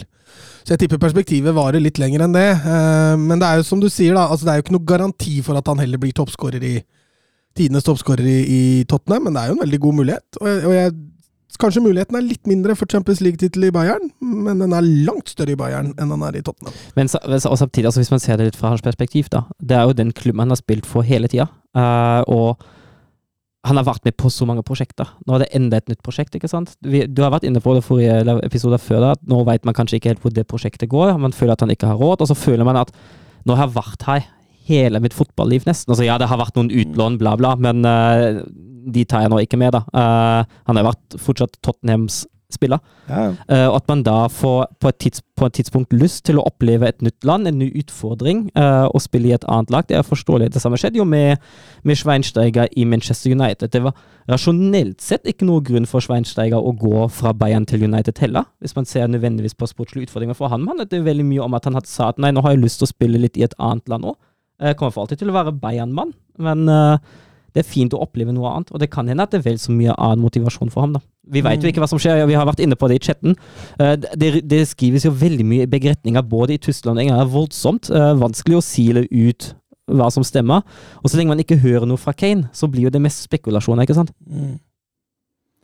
Hørte han hadde hatt en eh, samtale med Arnds poste Koglu nå, og eh, Postekoglu han sa vel eh, veldig sånn at eh, det er åpent for alt, liksom. Så det er, det er åpenbart at eh, det er ingenting som er avgjort her. Nei, og det, det jo det dekker seg jo litt med den, eh, med den artikkelen som kom ut, som jeg leste i dag, i hvert fall da, at uh, Kane i verste tilfelle, altså en verste tilfelle, han kan tenke seg å spille et år til i Tottenham og så gå til Bayern gratis i 2024. Men da er vi igjen på det, på det altså hvem skal spille spiss nå i Bayern, og ehm, eh, og det er ikke sikkert at hvis den går gratis i 24, at det plutselig er Bayern som er like relevant, hvis det kommer andre klubber med større eh, økonomiske muligheter, da. Men, men det er jo det man tror fra Englands hold, da. At, det, eh, at Levi vil ta sjansen på at dette Postekoglu-prosjektet nå, det er, blir så bra inn mot at han har lyst til å skrive under for det. Det er jo det som er greia. Derfor har Levi satt en pris på 140 millioner euro. Han har sagt at det er ikke snakk om å selge under det. Og de penga har ikke Bayern München på en nier. Vi får se. Det er i hvert fall det som kommer fram, så vi får se. Eh, mye, mye Det blir nok en saga, det der. Også, Det blir blir nok en saga, det, det i seg selv er jo Altså det, det, At det blir en saga, er jo betraktelig verre for Tottenham enn for Bayern nå. Eh, ja, ikke, ja, jo, men Bayern mangler en nier, som du sier, Ja. så, så det det, det. Nei, nå, nå, altså, de alternativene jeg leste nå, det var jo altså, Nå skulle man, hvis det ikke blir noe med Kane, så skulle man høre en mulighet å låne Alvarez i et år fra City. Ja, det var helt uaktuelt. Ja, ikke sant? Ja. Og, eh, og Vlaovic er jo fortsatt på, på lista, altså. Så, Ja, fordi det, det er jo det som er greia her. at uh, For Bayern München så vil de da stå uten en nummer ni, eksempel, mens for Tottenham så vil de jo kunne, i verste fall, Kjøpe seg litt tid. ja, og, og, og ha en Rikarlisson som nummer ni, som har faktisk fungert veldig bra for Everton der før. Ja, det, det Tottenham kjøper seg, jo, er jo en trøblete oppkjøring. Ja. Ved å ha det sirkuset gående. Nei, Vi får se. Postekoglu sa vel ganske klart ifra at han ikke ønska det sirkuset, så da eh, Oskar Carveio Holm, eh, tror dere Liverpool er ferdigforhandlet eh, om de henter Lavia? Ja, altså De skulle vel gjerne hatt en stopper òg, kanskje en høyreback. Men eh, ja, eh, nå har de i hvert fall fått på plass og dekka kanskje de viktigste høla de hadde. Den midtbanen begynte å bli ganske tynn. eh, Så det kan godt hende at de stopper nå, og så, og så avventer litt. Eh, Jeg vil jo tippe at Liverpool ikke har all verden med midler igjen heller, så da må i så fall noen ut. Ja. Matip er ujevn og skadeplaga. Gomez er ujevn og skadeplaga. Ibrahim Konate er skadeplaga og kommer på en måte aldri opp på det nivået eh, før skaden igjen setter han tilbake. Så det er en sånn uheldig spiral der. Og vi har jo sagt det tidligere, Van eh, Dijk bør vel fortjene vel en stabil makker. Så det er jo kanskje der stoppeplassen, først og fremst. Nå skal vi ta over eh, Chelsea sportsdirektører i Chelsea, og så kan man jo Mange burde ha tenkt etter 650 millioner euro på to vinduer at eh, Det laget her vinner Champions League. ja, her burde alt være klart. Ja, nei, det, det er en byggeplass til deg. Det er fortsatt en byggeplass. Ja. Det er helt sjukt hvordan de klarer å få det til. League en gang. det er helt sjukt hvordan dette prosjektet her har, har bana vei. Og vi gjør som vi gjorde sist. ø, Kjøp. De har henta Nkonko, Nicolas Jackson, Diego Moreira og er veldig nær både Angelo og Franca, to unge brasilianere der som sannsynligvis vil Altså, De vil ikke gå rett inn i et lag, men de vil sannsynligvis få noen minutter her og der. Ja, og så har de fått tilbake mange fra lån. Eh, altså Colville, som vi snakka om, Malugusto er tilbake igjen. Lukaku kommer jo tilbake igjen. Hudson Odoyo er vel, er vel tilbake igjen. Malang Sarr altså det, er, det er mye. Andrej Santos òg er vel tilbake igjen. Eh, så Ja. det er mange, fortsatt mye spillere i Chelsea.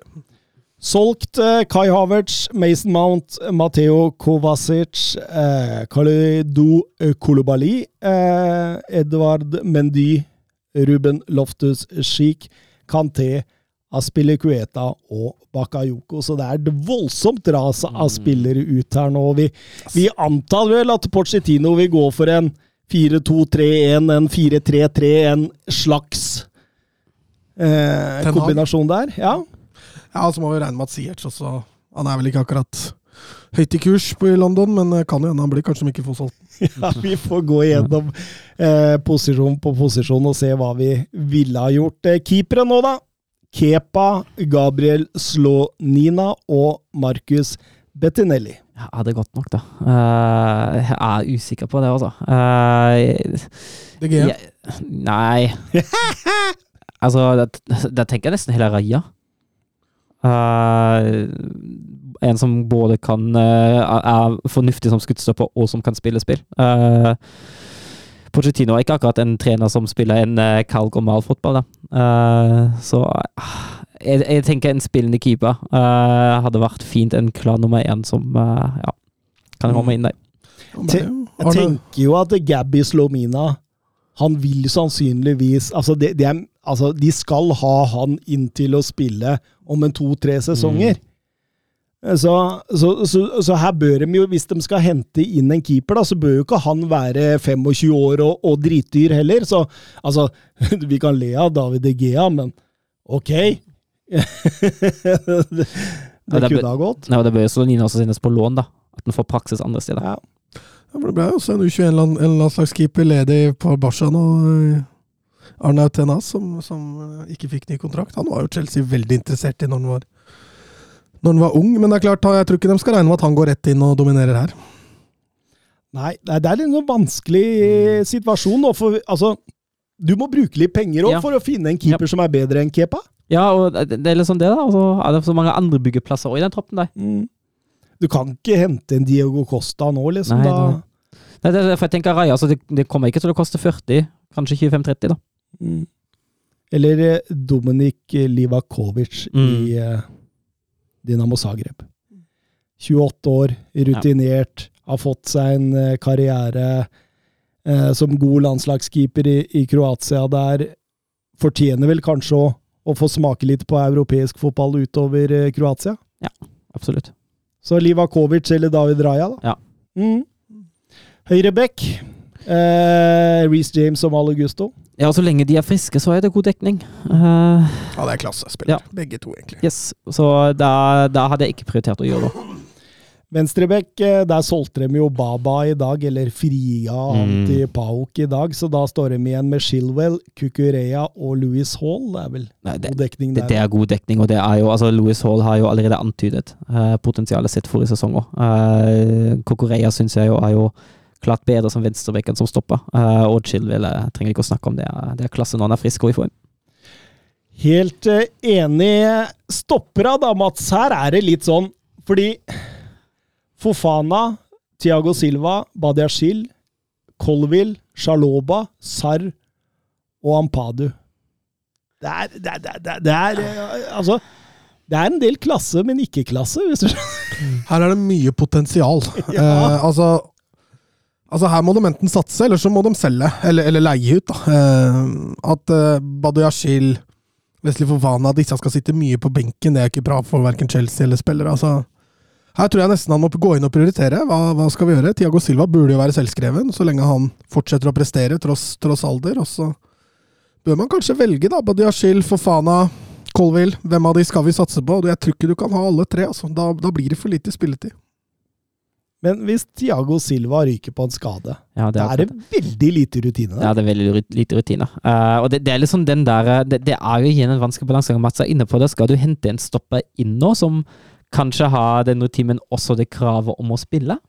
Uh, som da blokkerer enda en av de unggutta deg? Eh, nå skal Pochettino etter alt å dømme også spille med en firebekslinje istedenfor en trebekslinje. Vil si at det er én plass mindre til en stopper. Jeg har vært litt innom uh, forrige episode hvordan Thiago Silva kommer til å takle å spille firebekslinje på sikt. Det er litt uvisst, det òg. vi får se. Det kan hende at det går kjempebra. Det kan hende at at det blir utfordring av deg. Vi har jo vært innom ham sist òg, da. Eh, en rapport som kan være litt sånn job-sharing med Silva, da. Hvis man, eh, hvis man er ærlig med ham og sier at du og Silva dere kjemper om den ene plassen som forsvarssjef, som den som har rutin, og så har dere en av de unge ved siden av, da. Mm. Mm. Det bør jeg være også tenkte tenkt litt på Laporte inn der, altså. Enten på bekostning av Tiago Silva, fordi han må jo snart Jeg tror, ikke, du- jeg tror ikke du får Laporte med et prosjekt hvor han skal spille halvparten av kampen. Nei. Det blir, blir fort med en halvparten over Silva. Jo, jo, men, men å gå inn i en sesong hvor du antar at den blir skada, det er Ja, også Ja, For plutselig da, så står du med Laporte og Tiago Silva, og da må du ha Fofana, Badiashil og Colville på benken. Ja. mm. Og det, det, det, det blokkerer jo alt. Ja, ja. Så det, det, er en, eh, altså, det er en vanskelig balansegang. Altså. Så, så, så, så vi vil sannsynligvis stå, men vi har litt betenkeligheter med det. Mm. Nei, jeg hadde stått. Jeg hadde ikke hatt noen betenkeligheter heller. Hvem antar du som, eller hvem anser du som de to beste? Altså Basert på, på hva de viste i fjor altså jeg, Thiago Silva, selvfølgelig. Hvis han er i form og kampklar, så, så må jo han spille. Og så hadde jeg brukt Badiashil. Jeg syns han viste det høyeste toppnivået i fjor. For faen, han surra veldig. Eh, han må etablere seg. Og så er Colville såpass spennende at jeg tror han hadde gitt han ganske mye tid eh, neste år. Ok, stabiliserende mitt. Eh, sannsynligvis vi, vi går ut fra at han kommer til å ofte bruke to der. Eh, Enzo Fernandes, Andrej Santos, eh, Karni Sjukvomeka og Conor Gallagher er de man på en måte kan sette opp der. Ja, og, og Caicedo er vel uh, Nærmer seg, eller? Han eh, nærmer seg. Han, jeg Ja. så et intervju med han her. Han, han levna ingen tvil om hva han ønska. I hvert fall han eh, Beautiful team, beautiful history, beautiful London. eh. så åpenbart så, så legger han litt press på her.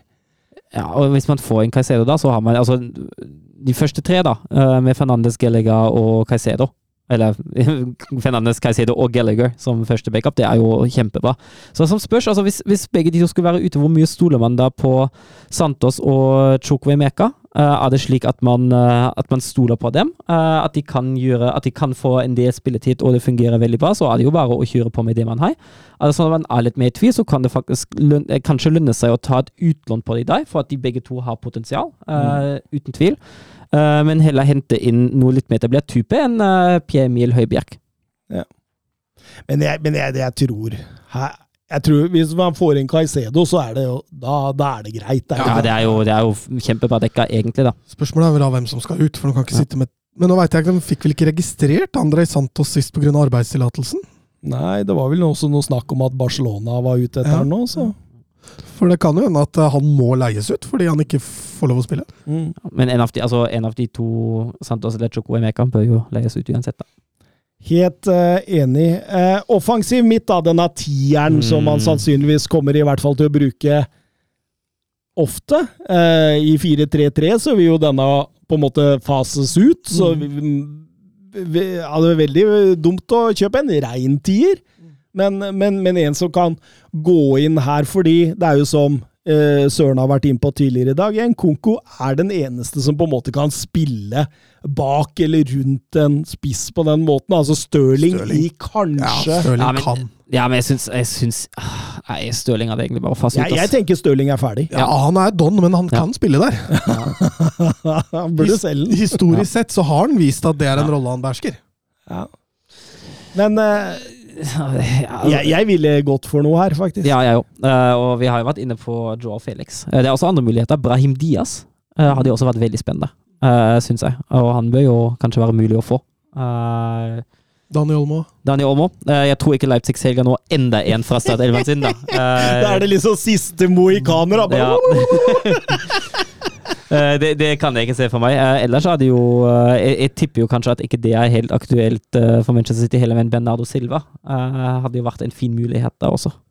Ja, han vil jo prøve noe nytt, men sannsynligvis ikke i Premier League, vil jeg tro.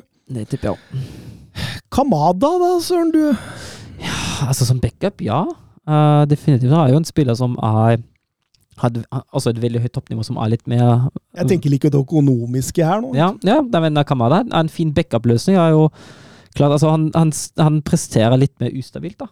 Mm. Uh, men kan man få ham Han kommer inn gratis. Ja. Uh, kan man få ham inn der som en backup for en Konko, så er jo det bra. Eller låne ut, eh, låne ut eh, Felixen igjen, da. Så har man jo dekka litt på venstrekant også.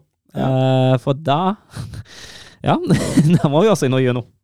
Jeg veit også at de har følere rundt Gabri Veiga. Kunne han fungert i en sånn rolle? Ja, han er fortsatt veldig uferdig, da.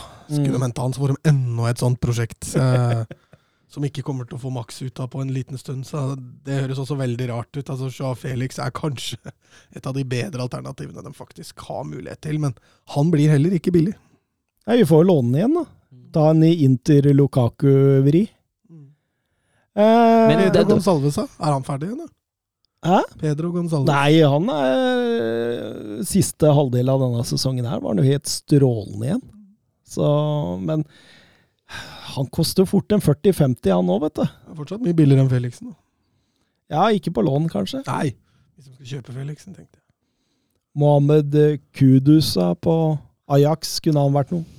Ja, altså, han er også litt ut, uferdig, da. Uh, Mm. Veldig, veldig spennende spiller. Uh, ekstremt. Uh, men for ham føler jeg kanskje at Altså, kjempetalent, da. Men for ham føler jeg kanskje at det er viktigst å velge spilletid.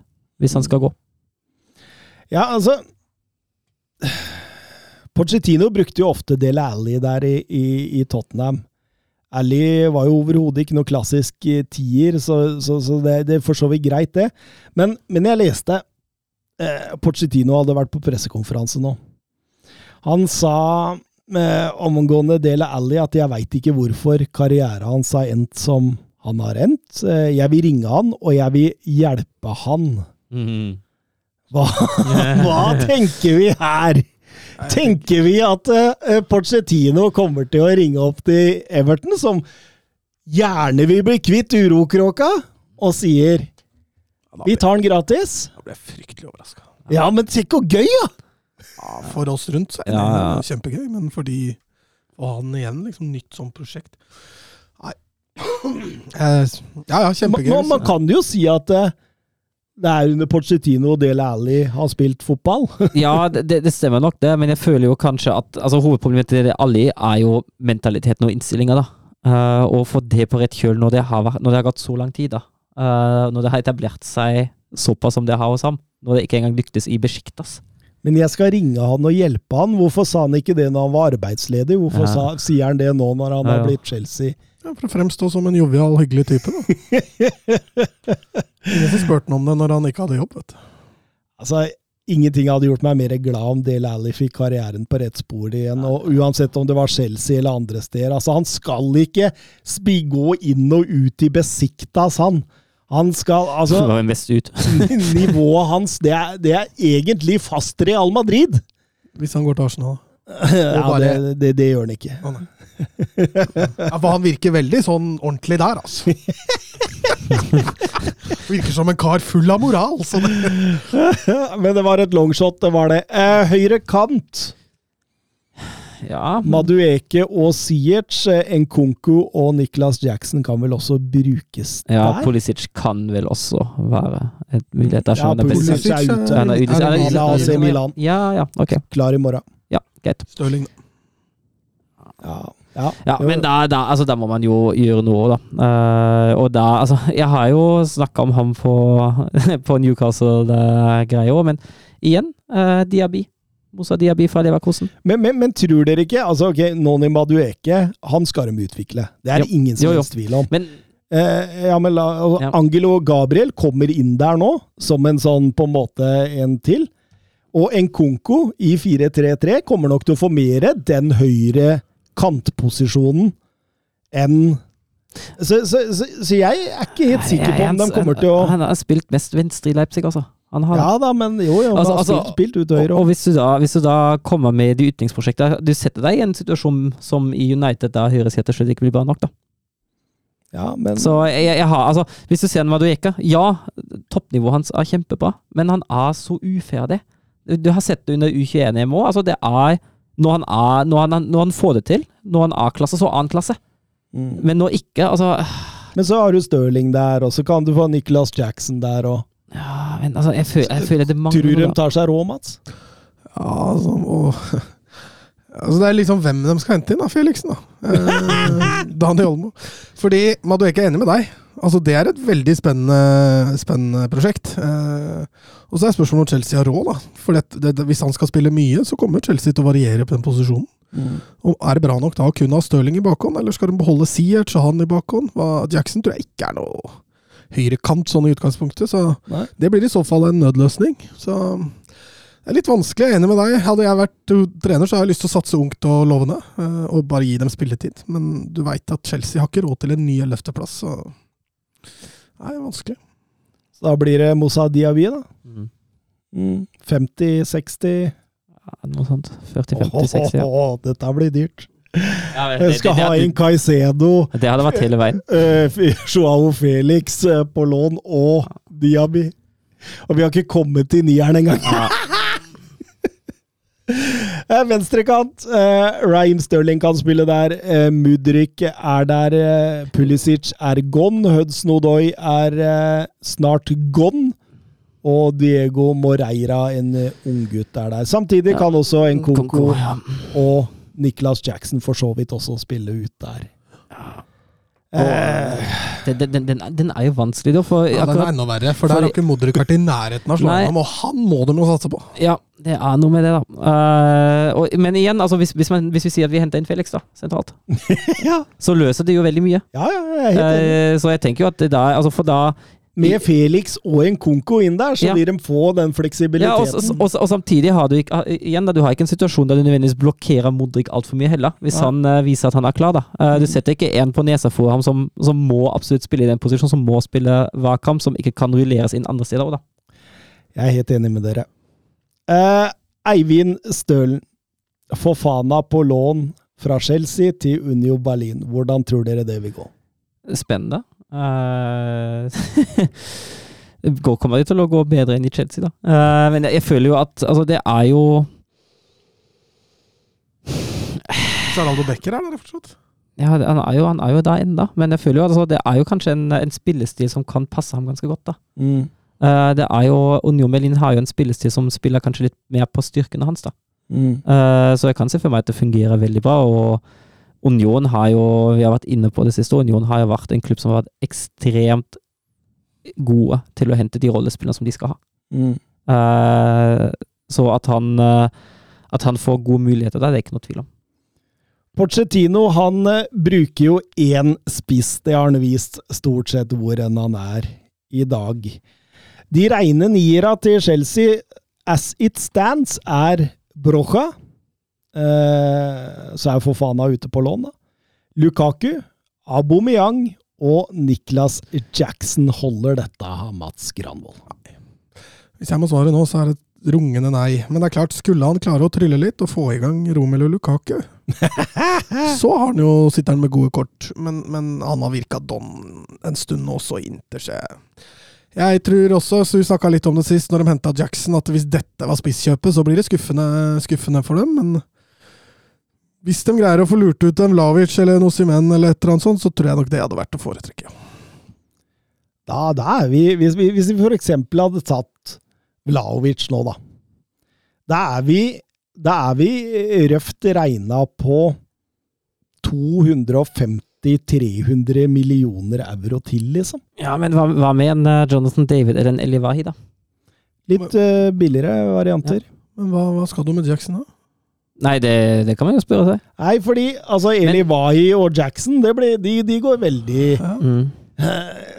Jonathan David også er veldig lik type. Vet du hva jeg tenkte på? Mm. Han hadde jo et kjempemislykka første år nå i Westham. Skamaka. Gianluca Ja. Tenk hvis han får den fòringen han skal ha inni boks der. Kunne lurt ut han fiaskokjøpet til David Moyes ut av Westham der. Vi veit jo hva han kan, Sassolo! Vi, vi husker jo det! Men altså, altså til, og med, til, og med, til og med Abraham så bra ut i, uh, i serien. da. Ja, men Skamakka det, det Her er kvalitet, altså. Altså, jeg, jeg Som mislykka spiss, så drar du ikke til Chelsea for å Jeg, jeg, tror, jeg, Nei, men tenk hvor gøy! Ja. ja, jeg, jeg, tror, jeg tror ikke det, det, det lar seg gjennomføre. Altså, det blir jo Pochettino, Pochettino blir jo lunka hvis ikke det går. Lynka. Lynkja. Lunsja. Ja. Blir runka. Han blir Han blir melka så hardt! Står inne i båsen og sier mø! Hvis man skal ha en billigere løsning, da. Medi Taremi i Porto, 30 år. Kontrakt ut neste sommer, bare. overgangsløsning. Jeg ser ikke helt hvorfor man skal gjøre det, når man har henta Jackson for 30. Ja, Liksom. men jeg tenker Taremi er mer en boksspiller, da. En sånn monster, en Diego Costa. Ja, men hva, hva skal du med to sånne mediocre spisser, liksom? Eller nå har de fem? da. Kan de ikke kjøpe enten et kjempetalent eller en etablert en? Ja, jeg tror ikke de har råd, vet du. Jeg tror ikke det, altså. Jeg tror ikke de har råd Nei da, det kan godt hende du har helt rett, at de ikke 100 kan nå, liksom. splæsje, men eh, Eller de har råd, men de får ikke lov. Ja. Jeg tror Todd Boiley ja, han sitter på pengesekken, men eh, det, er, det er noe FFP-greier der som eh, Altså, det er en grunn til at de hastesolgte Havertz og, og Mason Mount. Så det er for å få regnskapet til å gå opp. Sparer jo nok eh, hvis man får ut Lukako Lukaku Aubameyang. Det er nok en god del i lønn som i hvert fall spares der. Men da sier vi jo Caicedo, Joao Felix og helst en ny nier, da. Og, Diaby var vel Mm. og Diaby, ja. Oi, oi, oi, det, det. Vi bruker Og en, penger. og en keeper. Ikke glem Ja, keeperen. stemmer det. Livakovic eh, Mm. skulle vi hente inn der, eller en Raja. Dette blir dyrt, Mats. Det blir dyrt. Jeg er glad ikke jeg som betaler dette. Hjelper ikke å refinansiere lånet da. Eh, Ole Haaland, tror dere Brighton kan gjenskape suksessen og bygge videre neste sesong? Eh, hva behøver de inn av spillere, og kan Thomas-hypen Kasper Koslowski få et gjennombrudd nå? Jeg er ekstremt imponert av at han huska at jeg hadde Koslowski som ukas talent. Det, det er imponerende. Eh, hva tenker vi? Kan, eh, kan de gjenskape suksessen der, Mats? Eh, ja, selvfølgelig kan de det. Uh, hvis jeg, nå skal vi ikke tippe noen tabell ennå, men uh, Brighton ble nummer seks. Jeg vil nok akkurat nå tippe dem to plasser lenger ned, men eh, ja, det vil jo være en ganske bra plassering for Brighton, som igjen mister eh, helt avgjørende fotballspillere. men likevel også henter klokt, henter lurt, altså. Joao Pedro, Bart Verbruggen i mål der. Eh, Dahoud fra, fra Dortmund. Eh, de, de henter smart, da. Også, så, så, så sånn, altså, de drar sikkert opp noen signeringer fra Peru eller Ecuador eller noe sånt, noe som plutselig blir strålende igjen. Og jeg ser på stallen deres, den er så stor. De har så mange alternativer hele veien der. Og det dukker opp gode spillere som paddehatter eh, fra øst til vest. Jeg så bare de hadde tatt opp fem fra akademiet nå. Så her drives det fotballklubb, og det drives meget, meget bra. Uh, ingen tvil om det. Uh, Ja, den klubben er artig. Det er lett å være glad i en sånn klubb, altså. Altså, bare, bare, bare se liksom, Even Ferguson, Encisco der, Boanotte, Koslowski, van Hekke som spilte med van de Ven i, i Altså, det er, det, det er flust av talent! Ved Bryggen.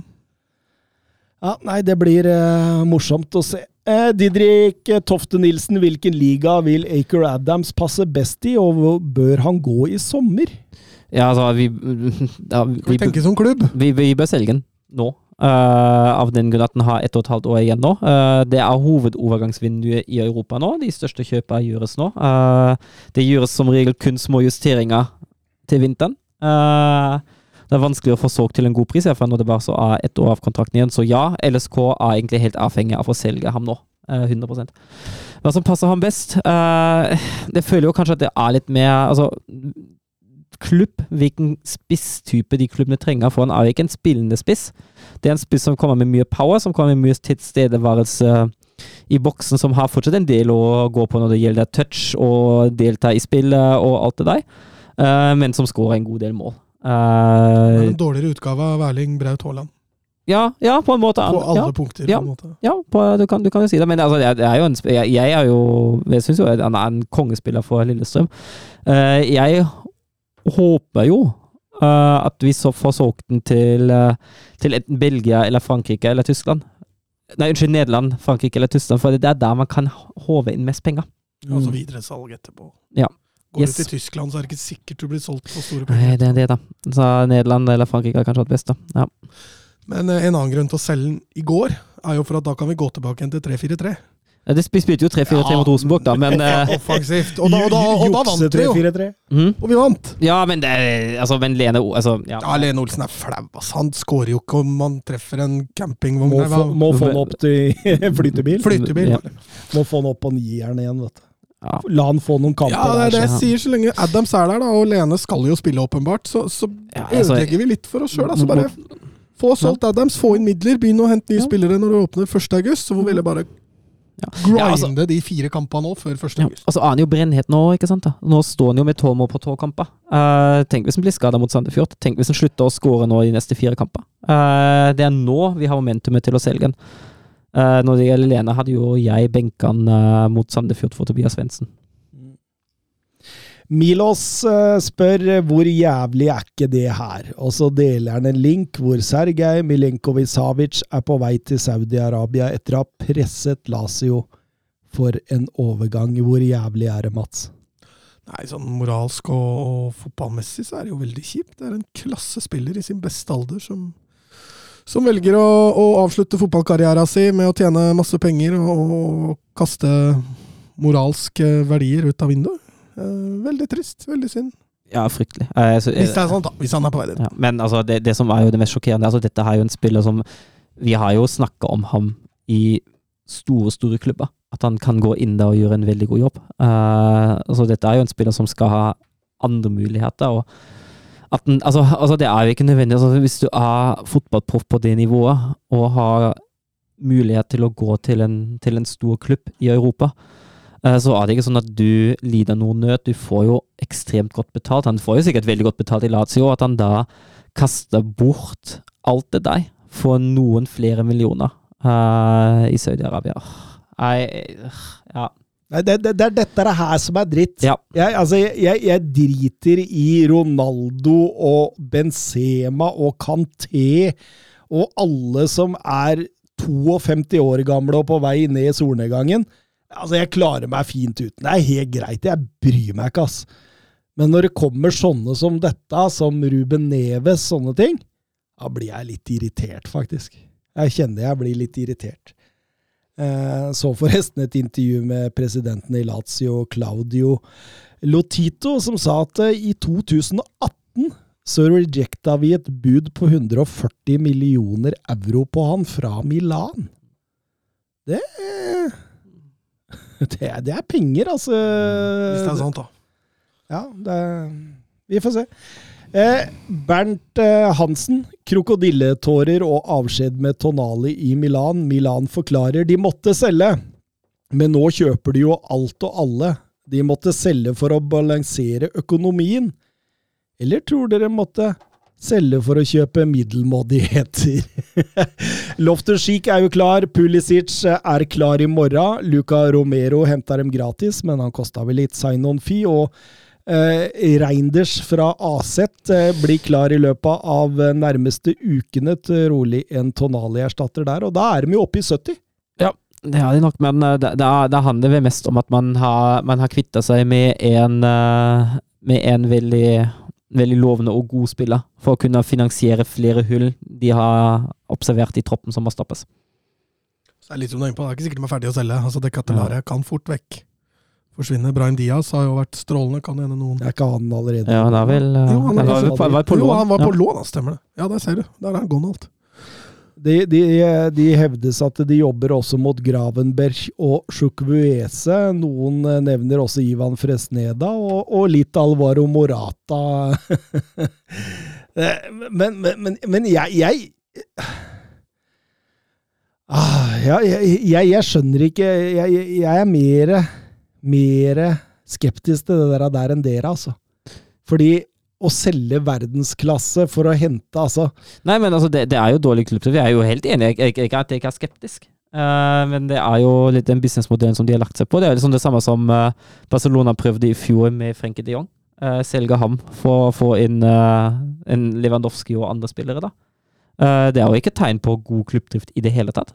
Jeg er helt enig i at det er, det er kritikkverdig, og, og ikke bare at man fint kan være skeptisk, for ingen av de spillene som er henta inn, har den samme klassen som Tonali hadde. Ja, men Pulisic, Loftus-Cheek, de kommer til å herje i serien. De kommer til å gjøre det bra, men altså, Tonali, det er Hvis klasse. de ikke er skada. Premier Leagues kirkegård. Altså, jeg har sett de har jo gått fra Premier League og dit og vært fantastiske. Altså, Chris Smalling ser jo ut som van Dijk.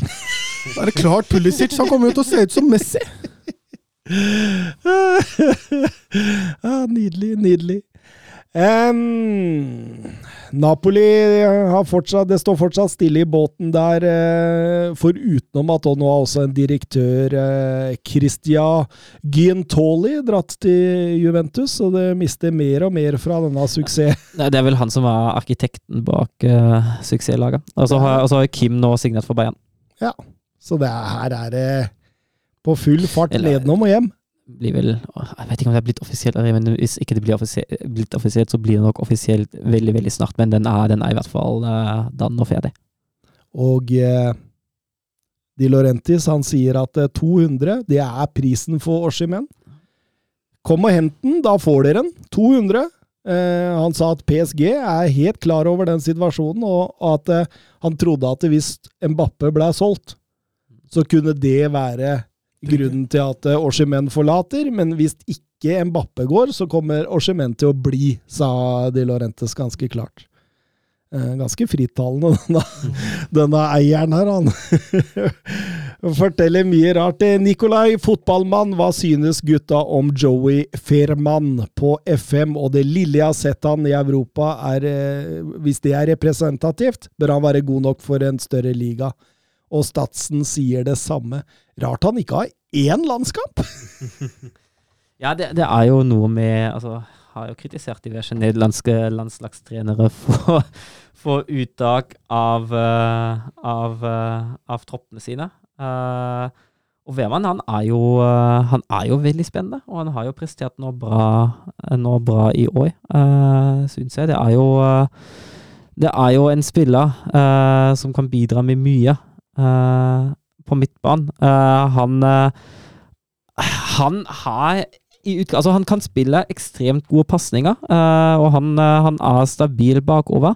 Det som er kanskje den største svakheten, er eh, det å tilpasse seg uh, tempoet i kamper som ikke er mot lag som uh, Volendam og, og diverse der. Uh, han har hatt noen ekstremt stygge uh, feilpasninger og feilvurderinger i, eh, i noen europakamper.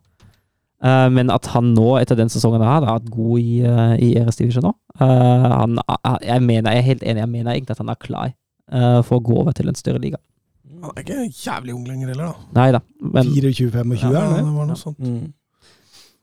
Nei, det er- Han har en spillestil som passer Premier League, i hvert fall, Ja, tenker jeg. Så, så så er det jo sånn at uh, denne landskampen den hadde han jo fått med en gang han hadde signert for uh, en Premier League-klubb. Ja. så, så rart hvordan det der, der henger sammen. Er det rart? Ja.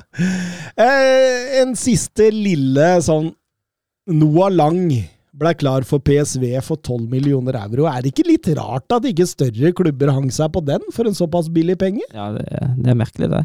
Ja, den syns jeg er litt rar, og jeg syns det til tross for dette salget, Klubb Brygge under Ronny Deila, så spennende. Nå kommer Hugo Vetlesen inn der og tar over tiertrøya til eh, Noah Lang. Eh, Victor Barbera, som herjer for Spania i U19 nå, eh, kom dit gratis fra Barcelona. De må henta Igor Tiago, en storvokst brasilianer på topp fra Ludo Goretz, og venstrekanten Skoras fra Lech Poznan, som, som fort kan være en direkte Noah Lang-erstatter. Og, og Thomas Munier er på vei inn nå, så det bygges i brygget. Ja, kult for Ronny Deila. Få se. Skal han virkelig få testa seg? Han gjorde det jo litt over middels i Standard Liège, eh, og var litt av grunnen til at han fikk denne bryggejobben. Eh, Men vi får vente og se, da. om Noah Langhus var det som holdt, holdt det der sammen. Eh, ja, Nei, Det blir spennende å se Ronny Deila og hva han får til i klubbrygga. Så det må, der må vi følge litt med. Ja. Vi må det. Det er jo blitt den femte beste ligaen nå i Europa, så. ja, så vi burde egentlig ha den ligaen neste år. Drite i fransk. um, siste spørsmål kommer jo selvfølgelig altså det er, det, han, er, han er verdensrekordholder i å ha siste spørsmål. Fordi det er så langt unna det vi stort sett prater om her. Eh, Det er breddeball, det er eh, vaffel og pølse, det er eh, det er, det, det, men, men det er artig. Eh, Anders Hansen Han ser fram til eh, Lillestrøm mot Sandefjord, og i helgens eh, store publikumsfavoritt, skriver han LSK Sandefjord, så ønsker jeg noen predictions, og da har han tre ting, Ja. så da får vi svare kronologisk på det. Hvilke fremkomstmidler bruker de blå supporterne i år? Ja, og det, har det jo oppstått jeg, kan- jeg, Kan jeg bare skyte en Blåhvalene, uh, supporterklubben? Det har kommet seg uh, litt i Sandefjord. Det har vært uh, interesse rundt både hjemme- og bortekamper der. Har de ikke flere podcaster nå? Jo, de har både SF-podden og Blå ball. Flere podcaster enn matpublikum. Men eh, så viste det seg at det var en i, i supporterklubben som stakk av med kassa.